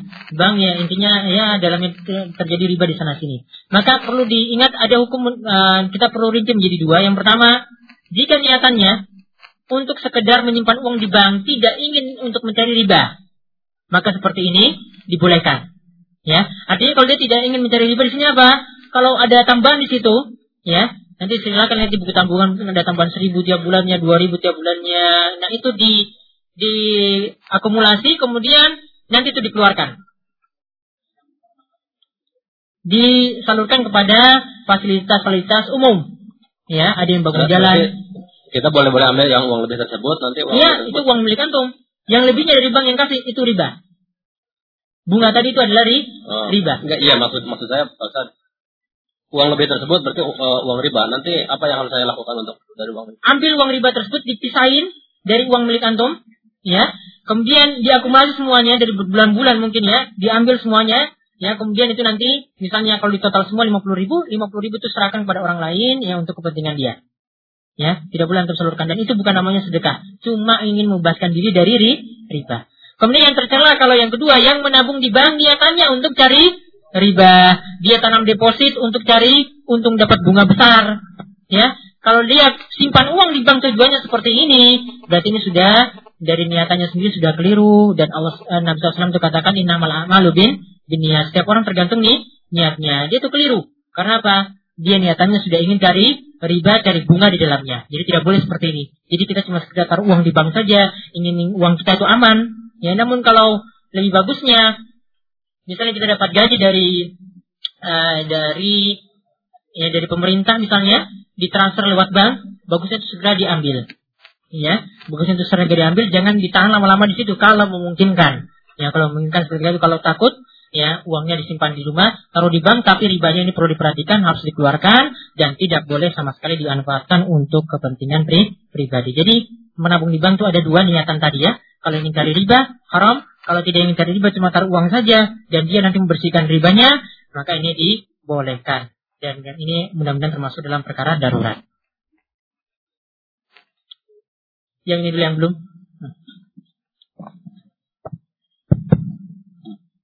Mau nanya Pak Ustadz, biasanya kan kalau orang mau utang kan pastinya dia memang sangat membutuhkan ya. Hmm, hmm.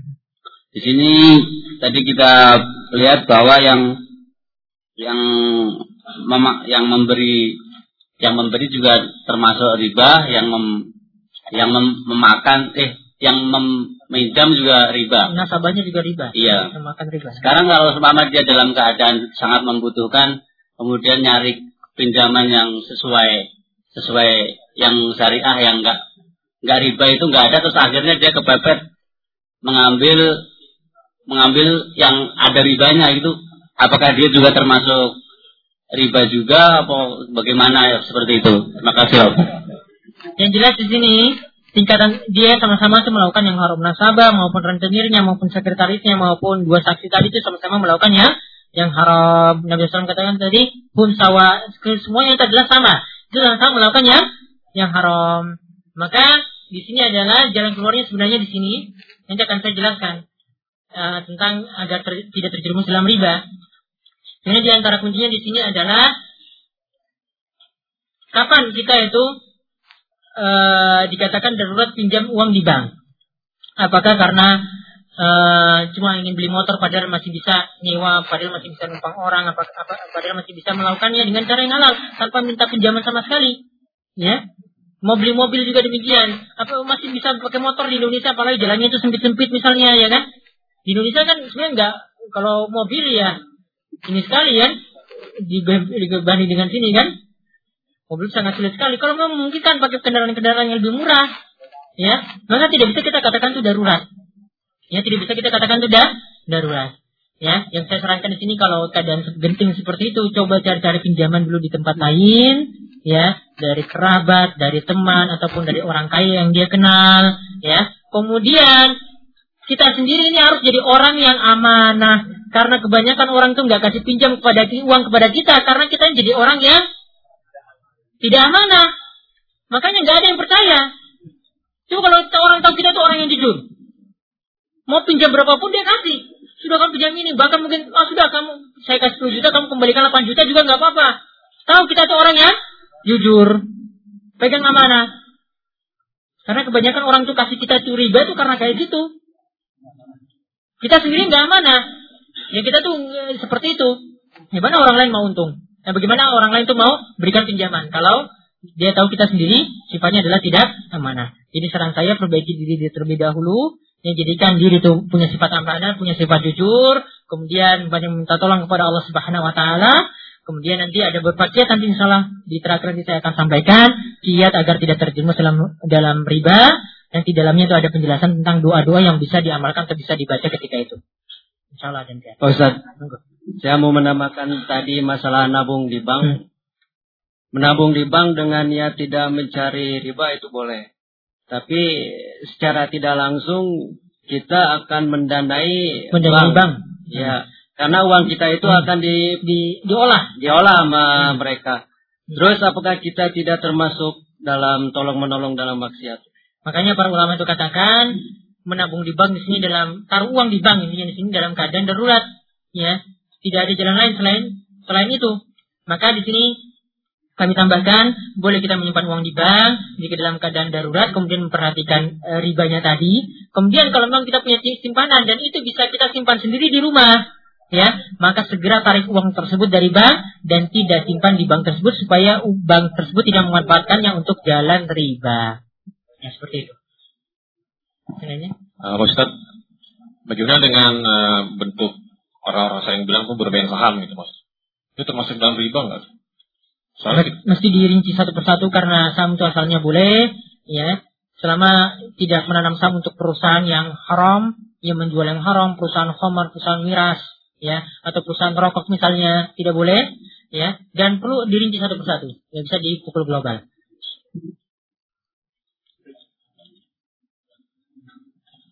Assalamualaikum Ustaz. Mau nanya tentang masalah bank syariah tadi. Eh. Misalkan kalau bank syariah tadi kan belum sempurna gitu. Eh. Ada misalnya ada yang kerja di situ di dalamnya apa lebih baik ditinggalkan apa lebih baik masih di situ dalam mencari pekerjaan gitu. Terima kasih.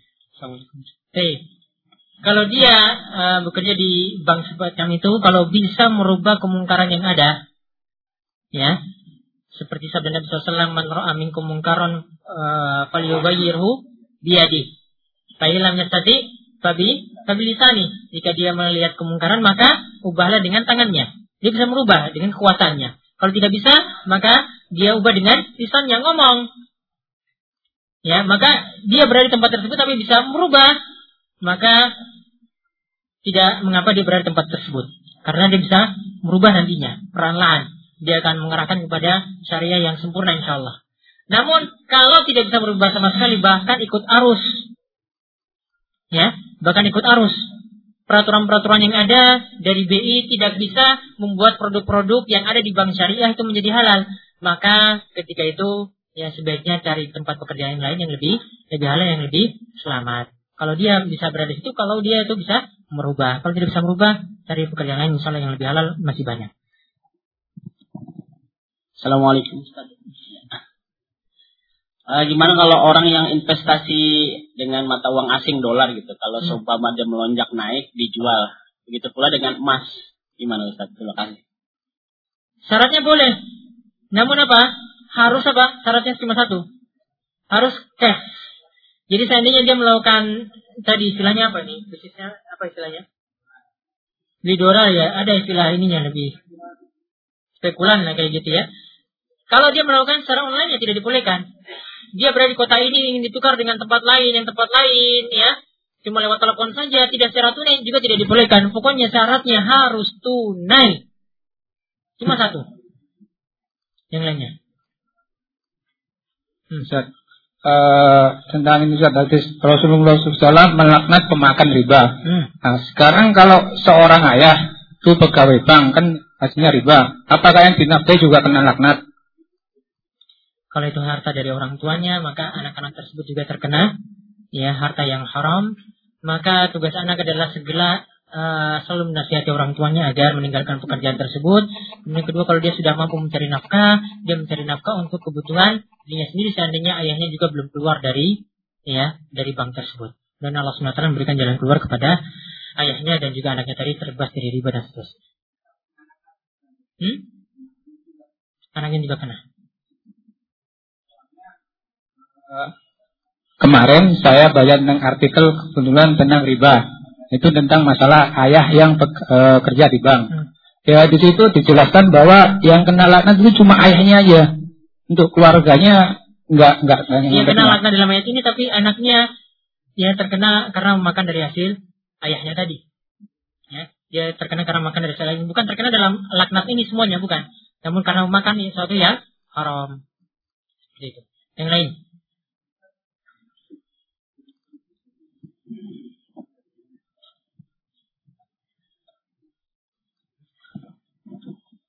Bismillah. Uh, ini uh, sebenarnya saya termasuk golongan yang melakukan terus bertanya nih. Uh, ini mengenai uh, transaksi jual beli di perusahaan. Kebetulan saya bekerja. Kan biasanya kalau di perusahaan kalau kita mau membeli barang itu kan kita mengeluarkan semacam order gitu Ustaz ya. Nah order itu kan harganya sudah disetujui sekarang. Harga, jumlah barang sudah disetujui jenisnya segala macam sudah disetujui hari ini. Tetapi kan kemudian barangnya itu baru dikirim kemudian dan juga pembayarannya kemudian bukan sekarang. Jadi order sekarang disetujui harga, disetujui jumlah, pokoknya semua situ sudah setujui. Cuma penyerahannya tidak sekarang. Penyerahannya itu? Jual beli barang. Uh, bisa macam-macam Ustaz. Karena kan uh di perusahaan kan seperti itu, Ustaz. Kita mengeluarkan order dulu yang sudah kita hubungi penjualnya, terus kita uh, sudah melakukan transaksi setuju dengan harga, setuju dengan barangnya, tetapi barangnya dan pembayarannya kan tidak dilakukan sekarang, tapi pembayarannya dan e, penyerahan barangnya nanti setelah tiga bulan misalkan, karena saya mesti membuat barangnya dulu atau seperti uangnya itu. Di, uangnya di, sudah dikirim? Belum, uangnya belum dikirim juga. Jadi uangnya, barangnya itu belakangan juga. Usahanya itu pihak produsen. Uh, iya, iya. Iya, seperti itu. Iya. Nah, uh, ini dikenal dengan akad istisna, minta tolong buatkan barang eh, misalnya ada uh, pengrajin keramik ya pengrajinnya kerajinan-kerajinan ya kita ingin memesan sesuatu dari dia kita pesan ya uang belum ada atau mungkin uang pakai uang muka lah terlebih dahulu ya. Ini masuk dalam akad yang disebut akad istisna minta tolong buatkan barang seperti ini ya. Maka dalam masalah ini tidak ada masalah ya. Baik tidak pakai uang terlebih dahulu ya. Kemudian atau pakai uang muka DP terlebih dahulu ya. Uangnya bisa telat nah barang nanti ketika terjadi baru nanti dikirim, kemudian sisa uang yang ada baru diserahkan. Ini masuk akad istisna dan akad istisna ini adalah akad yang dibolehkan. Yang lainnya?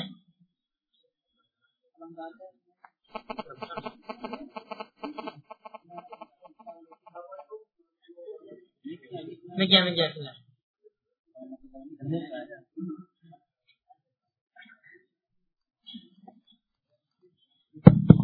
Assalamualaikum warahmatullahi wabarakatuh. Uh, kebetulan saya baru datang dari Indonesia.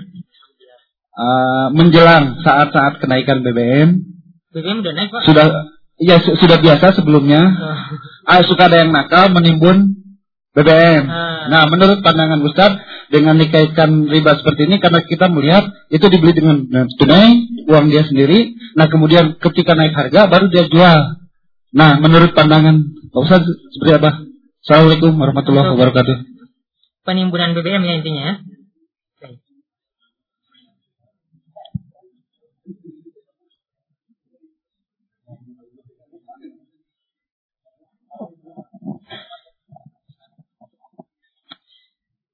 ya. Tentang penimbunan BBM atau penimbunan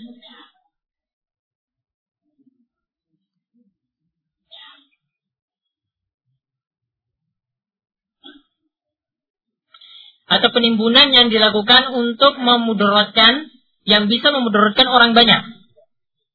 Jadi penimbunan barang itu asalnya sebenarnya ada uh, sebagian toko dia simpan stok banyak memang. Ya, simpan stok banyak. Dia beli barang banyak kemudian simpan. Ya, karena tujuan mau dekat hari raya nanti dia jual. Ya, seperti ini kalau tidak ada mudarat sama sekali tidak ada masalah. Ya, barang-barangnya tempat lain juga nggak pernah langka. Cuma disimpan aja stoknya banyak. Penimbunan seperti ini tidak ada masalah. Yang masalah itu jika menimbulkan mu, mudorot. Nanti BBM itu jadi langka di mana-mana. Kemudian dia timbun. Lalu setelah harga sudah naik, sebelumnya dia beli 4.500, sekarang naik 6.000 ya? Sudah naik? Belum kan mau naik. Ya. Kemudian ketika naik 6.000 misalnya, baru nanti dia keluarkan BBM-nya tadi. Padahal ini sebelumnya dia beli 4.500. Maka ini di sisi terlarangnya karena ini adalah jual beli yang memudaratkan orang banyak. Ya Nabi Sallam itu katakan la doror wala diror. Tidak boleh seorang itu memberikan mudarat pada orang lain dan tidak boleh seorang itu membalas jika dia itu dimudoroti orang lain. Kemudian tentang masalah penimbunan juga Nabi Sallam katakan la yahtakiru illa khati. Tidak boleh seorang itu melakukan penimbunan barang yang melakukannya itu adalah orang yang berdosa. Jadi bedakan dua hal tadi ya. Kalau selama dia simpan stok itu tidak ada mudarat sama sekali, barang itu nggak langka, ya maka tidak ada masalah. Namun kalau sampai menimbun, eh, menimbun barang kemudian orang-orang itu sampai sulit mencari BBM, cari barang itu di mana-mana, nah ini ya tercela dalam hadis tadi. Yang belakang. Mic-nya dulu, mic bergerak. Nah ini dulu kali itu. Assalamualaikum warahmatullahi wabarakatuh. Waalaikumsalam warahmatullahi wabarakatuh. Langsung pada pertanyaan masalah menyiwa seseorang. Contohnya menyiwakan seorang pembantu atau supir kayak itu. Terus disewakan katakanlah tiga tiga puluh ribu.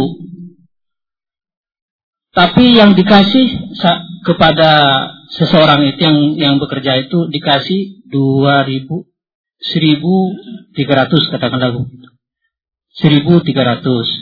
Jadi lebihnya itu diambil orang yang menyewakan itu tanpa kesepakatan orang yang disewakan. Itu boleh apa enggak itu? Atau memang ada kayak itu?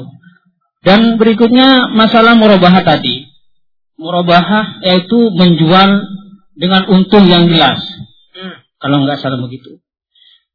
Uh, katakanlah si A menjual kepada si B dengan untung yang lebih sehingga si si B enggak kayak tertekan gitu.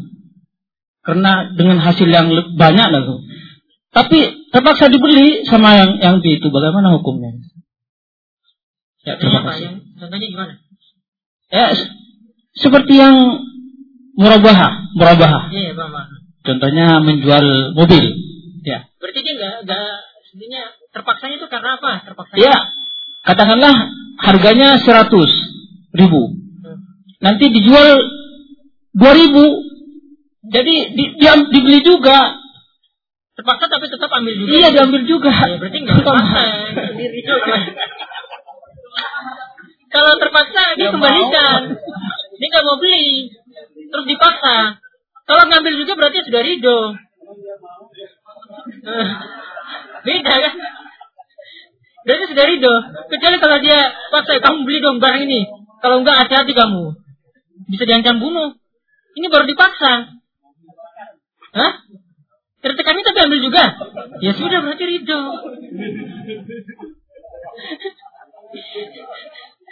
Sudah, kemudian yang pertama tadi apa tentang apa? Majikan tadi. Intinya di sini dalam masalah ini masuk dalam akad ijarah dalam masalah sewa. Ya. Ini termasuk dalam masalah sewa. Sewa itu artinya kita beli jasa. Pembantu yang itu dibayar upahnya itu namanya ijarah, sewa rumah rumah kita gunakan kita tidak memiliki secara sempurna cuma pakai satu tahun ya ini nama ijarah makanya dalam akad ijarah ini harus jelas akadnya ya berapa sewa yang nanti akan di, diberikan. Ya ada kejelasan di sini. Baik si di sini ada perantara atau tidak? Ya ada calon atau tidak? Calonnya juga harus jelas. Dia itu mencalonkan siapa? Si majikannya atau kita? Kita dibantu cari majikan atau majikan yang cari pembantu? Kasih itu. Kan berarti majikan cari pembantu. Majikan cari pembantu.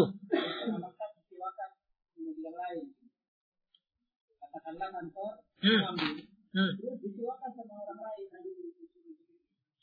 Maka di sini harus ada kejelasan, ya. Pokoknya di antara majikan ataupun si si calo ataupun antara pembantu dengan si calo tadi, ya, ini harus ada kejelasan maktab ini maksudnya calon tadi ada kejelasan ya. Berapa upah yang diberikan?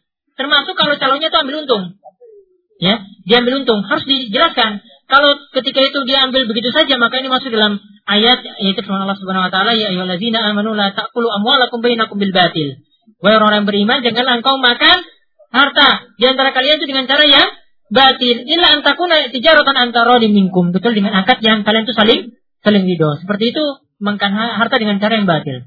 Ya, itu uh, suatu akad yang bermasalah. Ya, yang bermasalah itu calonnya. Enggak, menyewakan orang boleh. Enggak ada masalah, ijarah namanya. Ya, ijarah namanya. Enggak ada masalah. Karena dia memakan tanpa izin izin dari atau ridho dari orang yang si pembantunya ataupun dari majikannya. Yang baru dulu.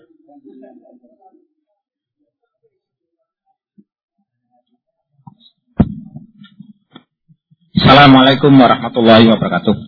Pak Ustadz, ada nggak pembatasan mencari keuntungan dalam jual beli? Misalnya, saya beli dengan 10 ribu, saya jual 30 ribu, itu boleh nggak Pak? Selama jual beli, wahalallahu al Allah itu mengalahkan jual beli, jadi tidak dibatasi keuntungan. Kecuali kalau pemerintah itu memberikan batasan harga.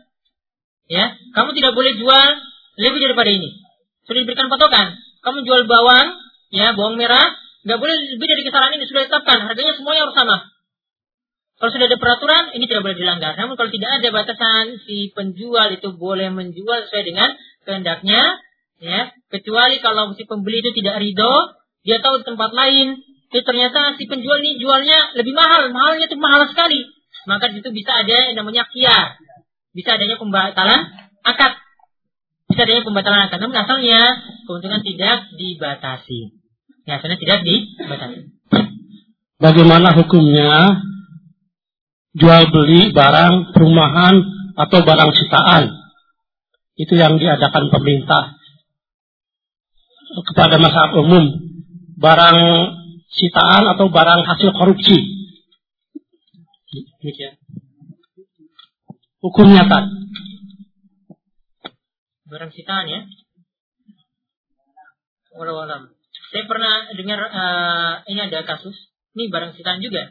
Jadi di pasar di Riyadh itu ada pasar besar namanya Batha.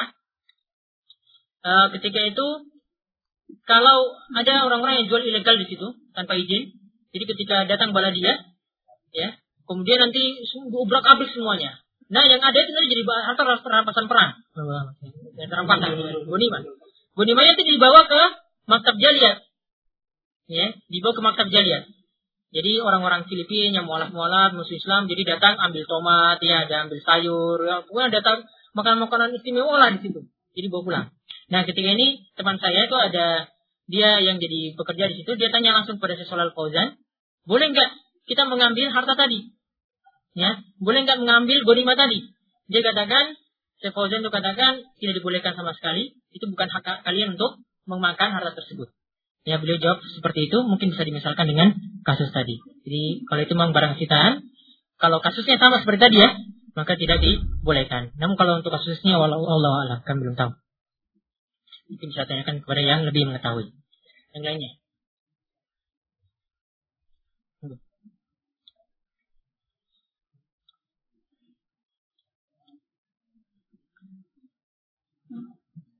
Bismillahirrahmanirrahim.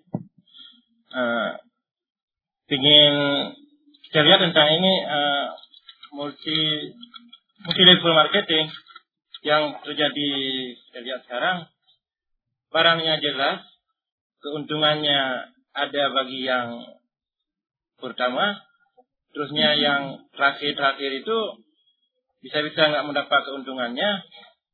Apakah itu termasuk halal atau apa nih? Jual belinya digambarkan lagi lebih lengkap. Uh, Mutu marketing. Hah? MLM. Iya. Ya jawab pertanyaannya MLM berarti ya.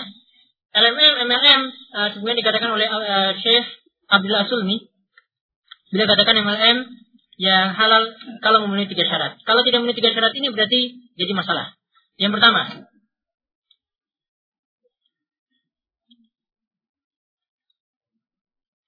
yang pertama, orang yang ingin membeli barang, ya, tidak diperintahkan untuk menjadi anggota. Coba saya rinci ulang. Orang yang ingin memasarkan produk tidak diharuskan untuk membeli produk. Ini pertama. Orang yang ingin memasarkan produk, ya, dia ingin pasarkan, tidak diharuskan untuk membeli produk terlebih dahulu. Kemudian yang kedua, harga produk yang dipasarkan dengan sistem MLM itu uh, harganya tidak boleh lebih mahal daripada harga yang wajar ya daripada harga yang wajar. Ya, yang dituntut di sini adalah dua pilihan, harganya itu semisal atau mungkin lebih rendah. Kemudian yang ketiga, orang yang ingin memasarkan produk tersebut tidak disyaratkan harus membayar sejumlah uang untuk menjadi anggota.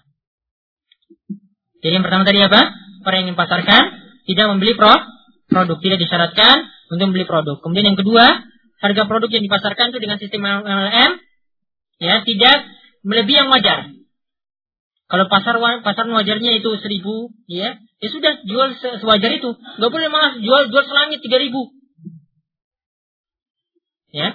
Kemudian yang ketiga, orang yang ingin memasarkan produk tersebut tidak disyaratkan untuk menyerahkan sejumlah uang untuk jadi anggota.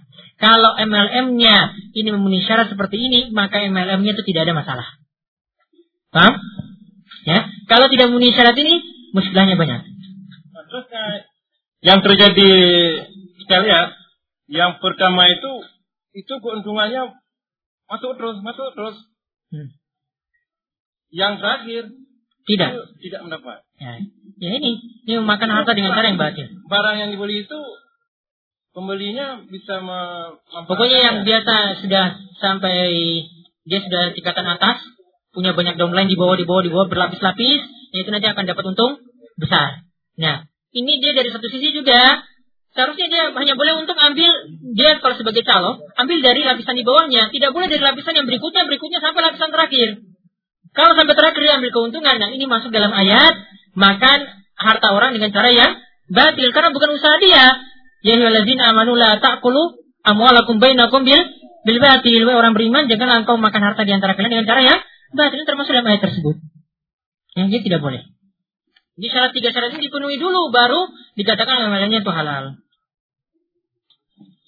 Kata Ustaz tadi kalau misalkan ada tukar menukar seperti emas harus dengan emas Ustaz.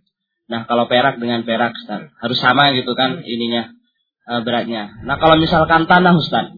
Itu tanah itu ada di dekat pinggir jalan, terus satunya ada di dalam gitu Ustaz. Nah itu gimana? Apa harus sama? Sedangkan kalau misalkan di pinggir jalan itu harganya lebih mahal, dan kalau yang di dalam itu kan murah Ustaz. Apa harus sama itu tanahnya itu uh, ukurannya harus sama itu? Tidak ada masalah dalam masalah tersebut. Karena orang melihat salah segi tempat, kemudian ditarik keuntungannya besar ya karena hmm pinggir jalan berarti nanti akan dibangun untuk bisnis besar misalnya. Tidak ada masalah si penjual tanah menjual lebih berbeda dengan orang yang punya tanah di dalam. Nah, itu apa harus uh, di, dikatakan riba nggak termasuk riba ya Ustaz? Dia nggak masuk komoditi ribawi. Nggak termasuk Ustaz. Nggak termasuk komoditi nah, ribawi. Bukan bahan makanan kan? Bukan. Bukan uang kan? Bukan, Bukan. uang. Nah. nah, kalau sekarang uh, emas Ustaz. Uh, emas itu ada orang yang pengen pinjam gitu Ustaz. Hmm. Misalkan saudara pengen pinjam. Hmm. Nah, sama saudara tersebut itu uh, emasnya itu digadaikan Ustaz. Digadaikan ke pegadaian terus diambil misalkan dicicil berapa ribu per bulan gitu di pegadaian. Apakah kita yang meminjamkan emas tersebut sama saudara itu ter, termasuk ini haram itu nggak boleh gitu gimana Ustaz? Sedangkan hmm. uh, emas tersebut emang sengaja di ini sama dia di pegadaian Ustaz. Kalau pegadaian itu bukan pegadaian yang melakukan uh, syariah yang benar, artinya di dalamnya itu ada bentuk-bentuk riba, maka orang yang membantunya yang pinjamkan emas tadi untuk digadaikan di bank terkena ayat yaitu Allah Subhanahu wa taala berfirman, "Wala ta'awanu 'alal ismi wal udwan." Janganlah kalian tolong menolong dalam dosa dan permusuhan atau melampaui batas. Termasuk dalam ayat tersebut. Jadi jangan dibantu. Ya, kalau bisa kasih solusi lain. Emasnya mungkin emas kita sendiri kita jual, bantu dia pinjamkan uang. Ini kembalikan ya sesuai dengan kemampuan dia. Mungkin itu sebagai jalan keluar untuk saudara kita tidak lewat jalan memberikan dia jalan untuk meminjam di pegadaian. Kemudian ada pertanyaan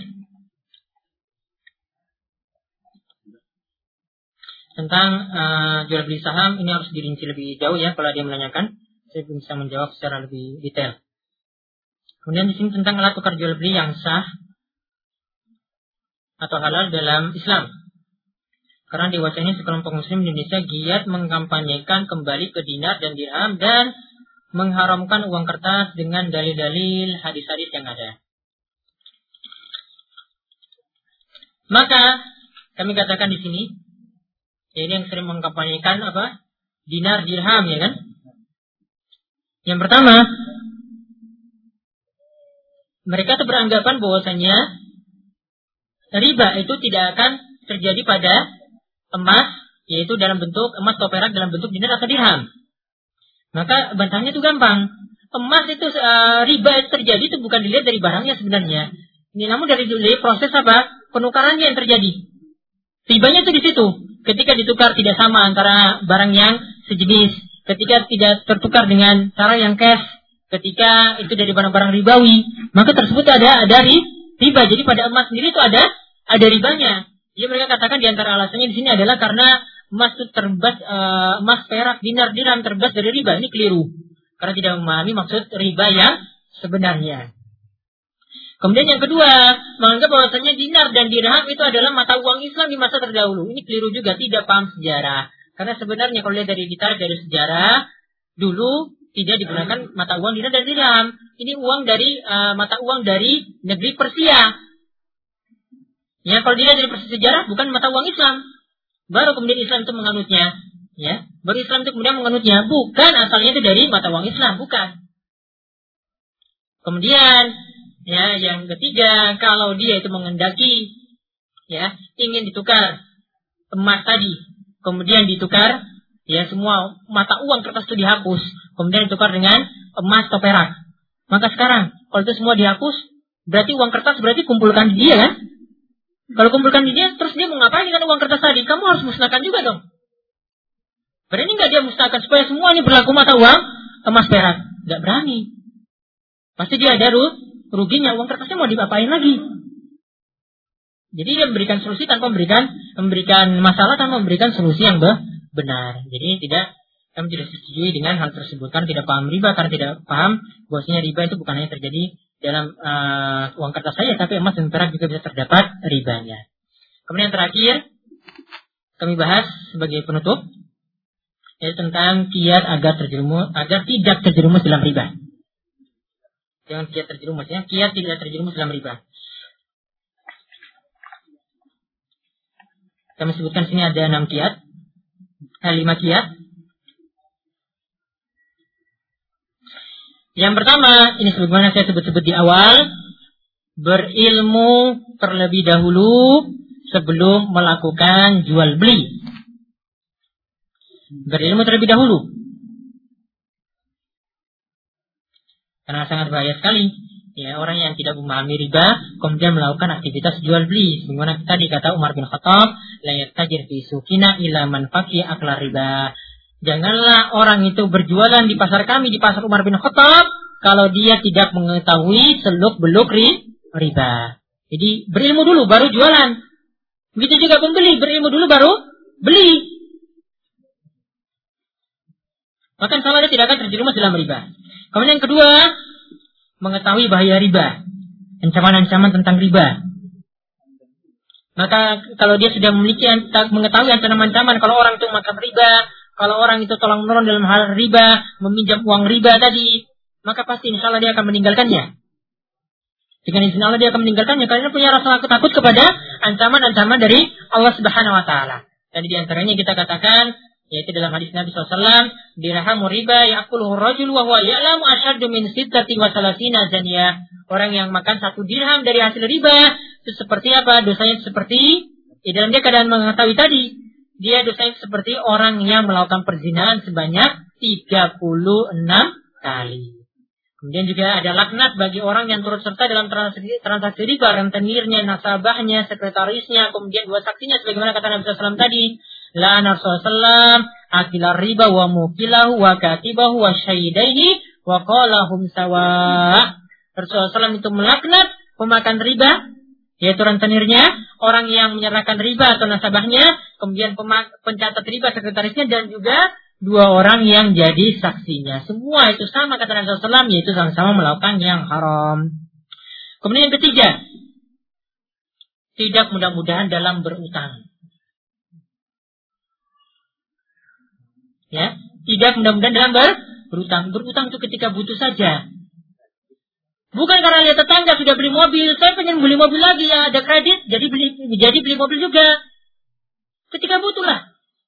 Nggak butuh mobil, ya bisa dapat angkutan gratis. Bisa pergi dengan uh, mobil dengan dua real, dua real, dua real. Ya, jangan terlalu menyusahkan diri. Jangan mudah-mudahan ber berutang, tidak seperti orang-orang kaya di negeri kita, ya. Mudah-mudahan utang karena kalau orang pinjam, ya uangnya itu tidak keluar kan? Pinjam di bank, uangnya kan tidak keluar. Nanti kalau ada gajinya baru dilunasi pelan-pelan, nanti potong dari gajinya pelan-pelan. Nah, seperti itu. Padahal kalau utangnya itu dia sudah uh, orang yang berutang itu, namun utang itu nggak lunas ketika dia mati ini punya banyak bahaya. Coba kita lihat di sini, Nabi SAW itu bersabda, "Man mata wa alaihi dinarun aw dirhamun qudiya min hasanati laisa samma dinar wala dirham." Barang siapa yang mati dalam keadaan masih memiliki utang satu dinar atau satu dirham. Maka hutang tersebut akan dilunasi ketika hari kiamat akan dilunasi dengan apa? Kebaikan yang dia miliki. Karena ketika hari kiamat tidak ada lagi uang. Gak ada lagi hari kiamat utang 110 juta mau lunasi nggak ada pakai uang lagi. Namun diambil dari apa? Kebaikan. Kalau tidak ada kebaikan kita apa? Dosa orang yang tadi kita punya uang dari dirinya ya akan ditembus kepada kita sampai utang kita itu lu, lunas. Itu juga kata Nabi SAW, orang yang pinjam uang tapi tidak punya niatan untuk kembalikan uang kembalikan utangnya tersebut. Maka kata Nabi SAW, ayyuma rajulin ya dayyanu dainan wa huwa mudmi'un alla yuwafiyahu iyahu lakiyallaha sarikan. Siapa saja yang berutang lalu berniat tidak ingin mengembalikan utangnya. Ya, bersifat berkhianat lagi di sini. Dia tidak ingin melunasinya. Maka kata Nabi SAW, dia akan bertemu Allah pada hari kiamat dalam status sebagai sarik pencuri. Dalam statusnya sebagai apa? Pencuri. Kata para ulama di sini maksudnya di sini adalah dia nanti dikumpulkan dengan para pencuri pada hari kiamat. Kemudian ini yang keempat, ini sifat yang penting yang harus kita miliki. Maka terlibat dari riba adalah milikilah sifat kona'ah. Ini yang jarang kita miliki. Jadi hidup selalu merasa cukup. Hidup apa adanya lah. Kalau ada tempe yang dimakan ya wes makan tempe. Kalau apa ayam ada ya makan ayam. Kalau daging ada ya makan daging. Kalau ada rezeki dapat motor ya alhamdulillah motor gitu. Apa adanya. Ya kan? Apa yang ada sudah itu yang dinikmati. Gak usah lihat dari orang lain punya ini ya, tempe itu lebih nikmat kok daripada ayam ya kan. Ini sudah bayangannya sudah lebih enak sudah. Merasa cukup? Cukup. Karena sifat kona ini kalau tidak dimiliki, ya, maka kalau lihat orang itu punya harta berlebih, ya, orang itu punya pakai HP, ya, dia pakai HP BlackBerry, kok saya ini masih HP jadul, masih pakai HP Nokia, ini gimana itu loh. Kalau nggak punya sifat kona, ya, pingin seperti itu, akhirnya cari pinjaman sana sini, cari pinjaman sana sini, nggak dapat, cari yang riba. Baru beli HP tersebut. Karena tidak memiliki sifat apa sini? Sifat kona'ah. Jadi kita mohon kepada Allah Subhanahu wa taala supaya kita memiliki sifat yang mulia ini yaitu sifat kona'ah. Nabi SAW itu katakan yang namanya kecukupan itu dengan hati yang selalu merasa cukup, bukan dengan banyaknya harta. Nabi SAW katakan, "Laisa lagina an kasratil arab, walakin al-ginna nafs." Yang namanya kaya, ya, yaitu bukan dengan banyaknya Arab, banyaknya harta. Namun yang namanya kaya itu adalah hati yang selalu merasa cukup. Hati yang selalu merasa cukup. Kemudian Nabi SAW juga katakan, Unzuru ilaman asfala minkum wa la tanzuru ilaman huwa fawqakum bahwa asdaru wa alla tazdaru nikmat Allah. Lihatlah pada orang yang berada di bawah kalian dalam masalah dunia. Dan janganlah lihat kepada orang yang berada di atas kalian. Karena kalau lihat di atas kalian terus tuh nggak pernah puas. Nanti lihat kepada Amir, lihat kepada Malik, Malik Abdullah. Ya, ini pada raja, hartanya gaji saya pengen seperti itu nggak pernah puas. Kalau kita sikapnya adalah selalu memperhatikan orang yang di bawah kita, bukan orang yang di atas kita dalam masalah dunia, maka kata Nabi SAW, jika engkau bersikap demikian, maka engkau tidak akan meremehkan nikmat yang Allah SWT itu anugerahkan kepadamu. Diberikan harta seperti ini, Masya Allah, dia punya sifat kona syukuri. Kemudian, kalau orang itu sudah diberikan rizki yang cukup, sudah diberikan nikmat Islam, dan juga sudah diberikan sifat kona oleh Allah Subhanahu wa taala, maka dia akan mendapatkan keutamaan dia itu termasuk orang-orang yang beruntung. Sebagaimana kata Nabi SAW, Qad aflaha man aslama wa ruziqa kafafan wa Allahu bima atah. Sungguh beruntung orang yang sudah diberi nikmat masuk Islam. Kemudian dia diberikan rizki yang cukup. Lalu Allah SWT anugerahkan lagi kepada dia sifat kona'ah. Yang sifat kona'ah. Makanya adalah orang-orang yang beruntung. Karena sedikit sekali orang yang punya sifat seperti seperti ini. Kita maupun orang miskin maupun orang yang kaya punya harta yang bercukup-cukupan. Semuanya itu wajib memiliki sifat apa? Sifat kona'ah. Dan untuk meminta kepada Allah SWT agar kita dianugerahi sifat kona'ah, maka banyak-banyak doa dengan doa seperti ini. Itu Nabi SAW itu ajarkan doanya, Allahumma inni as'aluka al-huda, wa tuqa, wal afaf, wal ghina. Coba, Allahumma inni as'aluka al-huda wat-tuqa wal 'afaf wal ghina. Ya Allah, berikanlah kepadaku ya. Ya, ya Allah, aku minta kepadamu petunjuk. Kepada kebenaran, kepada jalan yang lurus. Dan aku minta kepadamu juga sifat takwa. Kemudian aku minta kepadamu juga adalah sifat apa? Yaitu agar terhindar dari yang haram-haram. Berarti dalam hal ini juga kita minta agar terbebas dari riba, terbebas dari dosa, melakukan kesalahan-kesalahan, maksiat dan seterusnya. Dan yang terakhir di sini kuncinya, ya Allah, aku minta kepadamu sifat ghina, yaitu sifat kona'ah. Selalu merasa cukup. Maka mudah-mudahan Allah SWT menganugerahkan kita dengan sifat yang mulia ini. Mudah-mudahan kita digolongkan menjadi orang-orang yang memiliki sifat kona'ah. Lalu yang terakhir, perbanyaklah doa agar terbebas dari utang.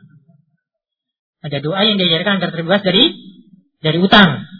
Itu doa yang diajarkan di sini adalah di antaranya doa yang sifatnya umum. Allahumma ini as'aluka fi'lal khairat wa tarkal wa tarkal munkarat. Ya Allah, aku mohon kepadamu kemampuan untuk melakukan kebaikan-kebaikan dan meninggalkan perbuatan-perbuatan yang haram, perbuatan-perbuatan yang mungkar. Di antara perbuatan yang mungkar di sini adalah memakan harta riba. Kemudian yang khusus lagi di sini doa agar terbebas dari utang. Allahumma inni a'udzubika minal ma'sami wal maghram. Allahumma inni a'udzubika minal ma'sami wal maghram. Ya Allah, aku mohon kepadamu agar terlindungi dari ma'sam, dari berbuat dosa. Dan juga agar tidak terjerumus dalam terlilit dalam utang. Kemudian tentang doa ini terakhir ini Allahumma ini a'udzubika minal ma'sami wal maghram. Ini adalah doa yang Nabi SAW itu sering ucapkan. Uh, Nabi SAW itu meminta agar dirinya itu ter, terlindungi dari apa? Utang, banyak utang, dan juga terlindungi agar tidak terjerumus dalam dosa. Di sini katakan kepada Aisyah, Aisyah itu pernah mengatakan kepada Nabi SAW, kenapa yang selalu engkau itu meminta itu adalah doa seperti ini? Agar terbebas dari utang. Maka kata Nabi SAW, Inna rajula idha gharima haddasa fakazaba. Wa wa'ada fa'akhlafa. Karena orang yang biasanya berutang, itu kalau dia itu berutang maka dia itu kebanyakan dusta. Ada tukang tagih utang itu datang, ya, bilang sama anaknya, "Bu, beritahu saya nggak ada, Bapak lagi pergi ke pasar, ya belum pulang." Ya, banyak dusta. Ditelepon, suruh istri angkat, Oh ini suami saya tinggalin HP, padahal di sampingnya. Ya, tinggalin HP. Suruh dusta lagi. Karena orang, ini kata Nabi SAW, orang yang berutang itu biasanya apa? Berbicara namun dia itu dusta. Lalu kata Nabi SAW, wa'ada fa'aklafa. Kalau janji, biasanya ingkari. Ini juga di antara dalil yang menunjukkan bahwasanya bahaya jika orang itu sering-sering berutang. Ya, apalagi berniat tidak akan melunasinya. Ini lebih parah lagi. Maka demikianlah yang kami bahas pada kesempatan kali ini. Mungkin sebelum tutup ada tambahan-tambahan lagi. Monggo pertanyaannya. Tunggu dulu lagi.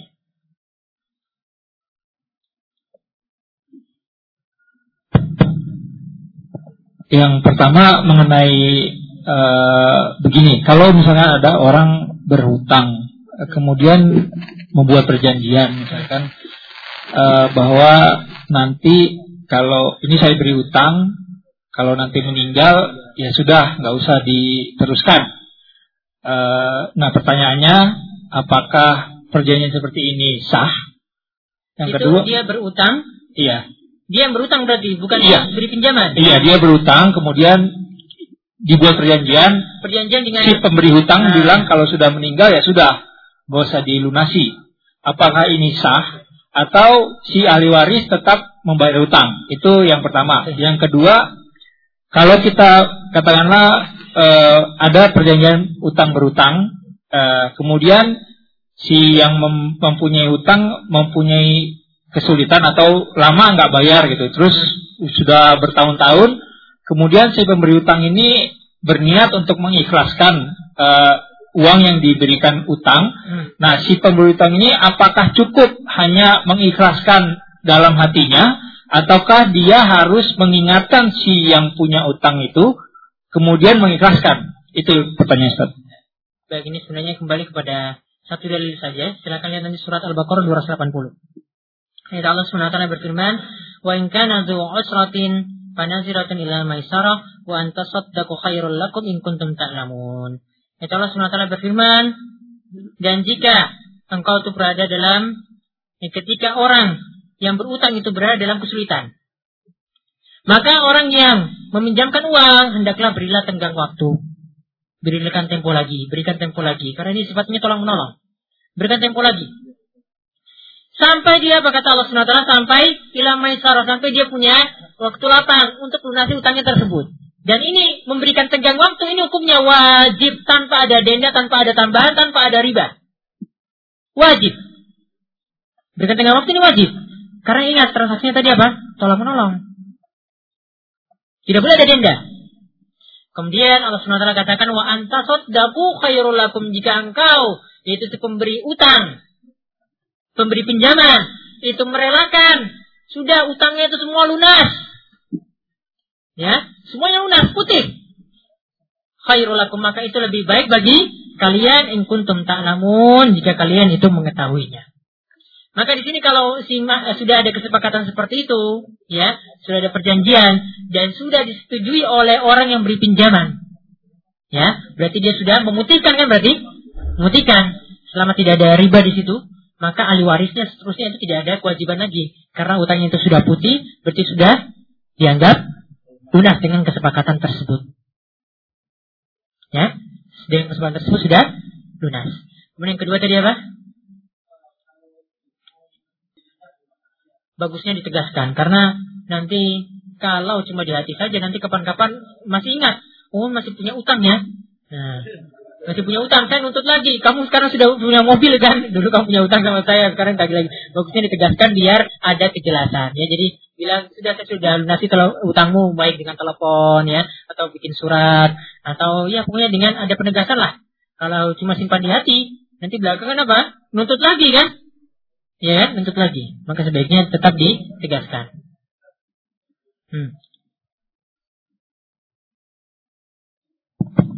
Ustaz, negara kita kan terkenal banyak utang ya, transaksi riba ke bank dunia. Itu apa kita kenal laknat Allah apa siapa? Ustaz? Rakyat sebagai rakyat kita.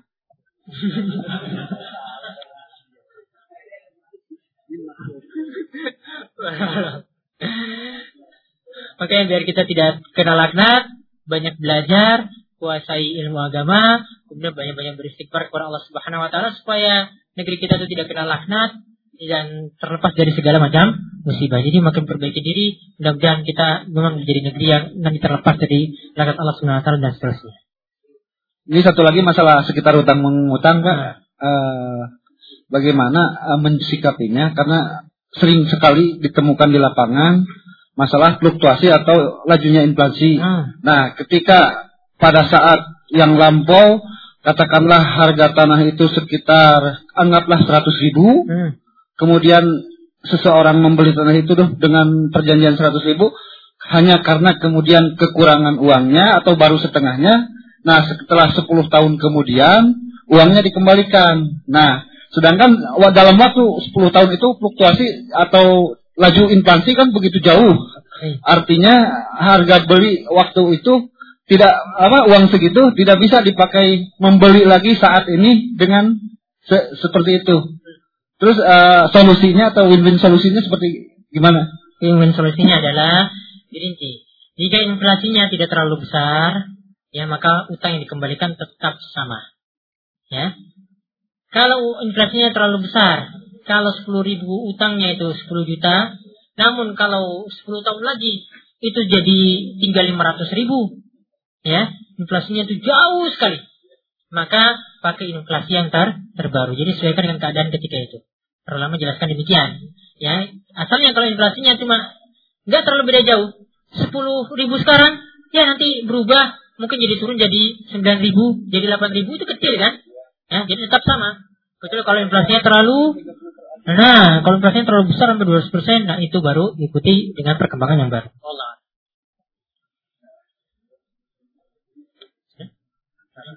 Baik ya, baik sudah. Ini saja, mudah-mudahan bermanfaat. Ya, mohon maaf di sini cuma sampai sebelum asar. Karena saya tadi dengar ada sebagian yang mau pulang sesudah asar nanti biar semuanya dapat ilmunya jadi enggak kepotong ya. Mudah-mudahan bermanfaat ilmu yang kami sampaikan pada kesempatan kali ini. Mudah-mudahan Allah SWT senantiasa berkahi bapak-bapak sekalian, ibu-ibu sekalian, diberikan ilmu yang barokah, diberikan umur yang barokah. Semoga Allah SWT senantiasa memudahkan jalan-jalan kita menuju jalan yang diridai Allah, menuju surganya. Subhanakallahumma bihamdika asyhadu an la ilaha illa anta astaghfiruka wa atubu ilaik. Wassallallahu ala nabiyyina Muhammad wa ala alihi washabihi ajmain. Walhamdulillahirabbil alamin. Assalamualaikum warahmatullahi wabarakatuh.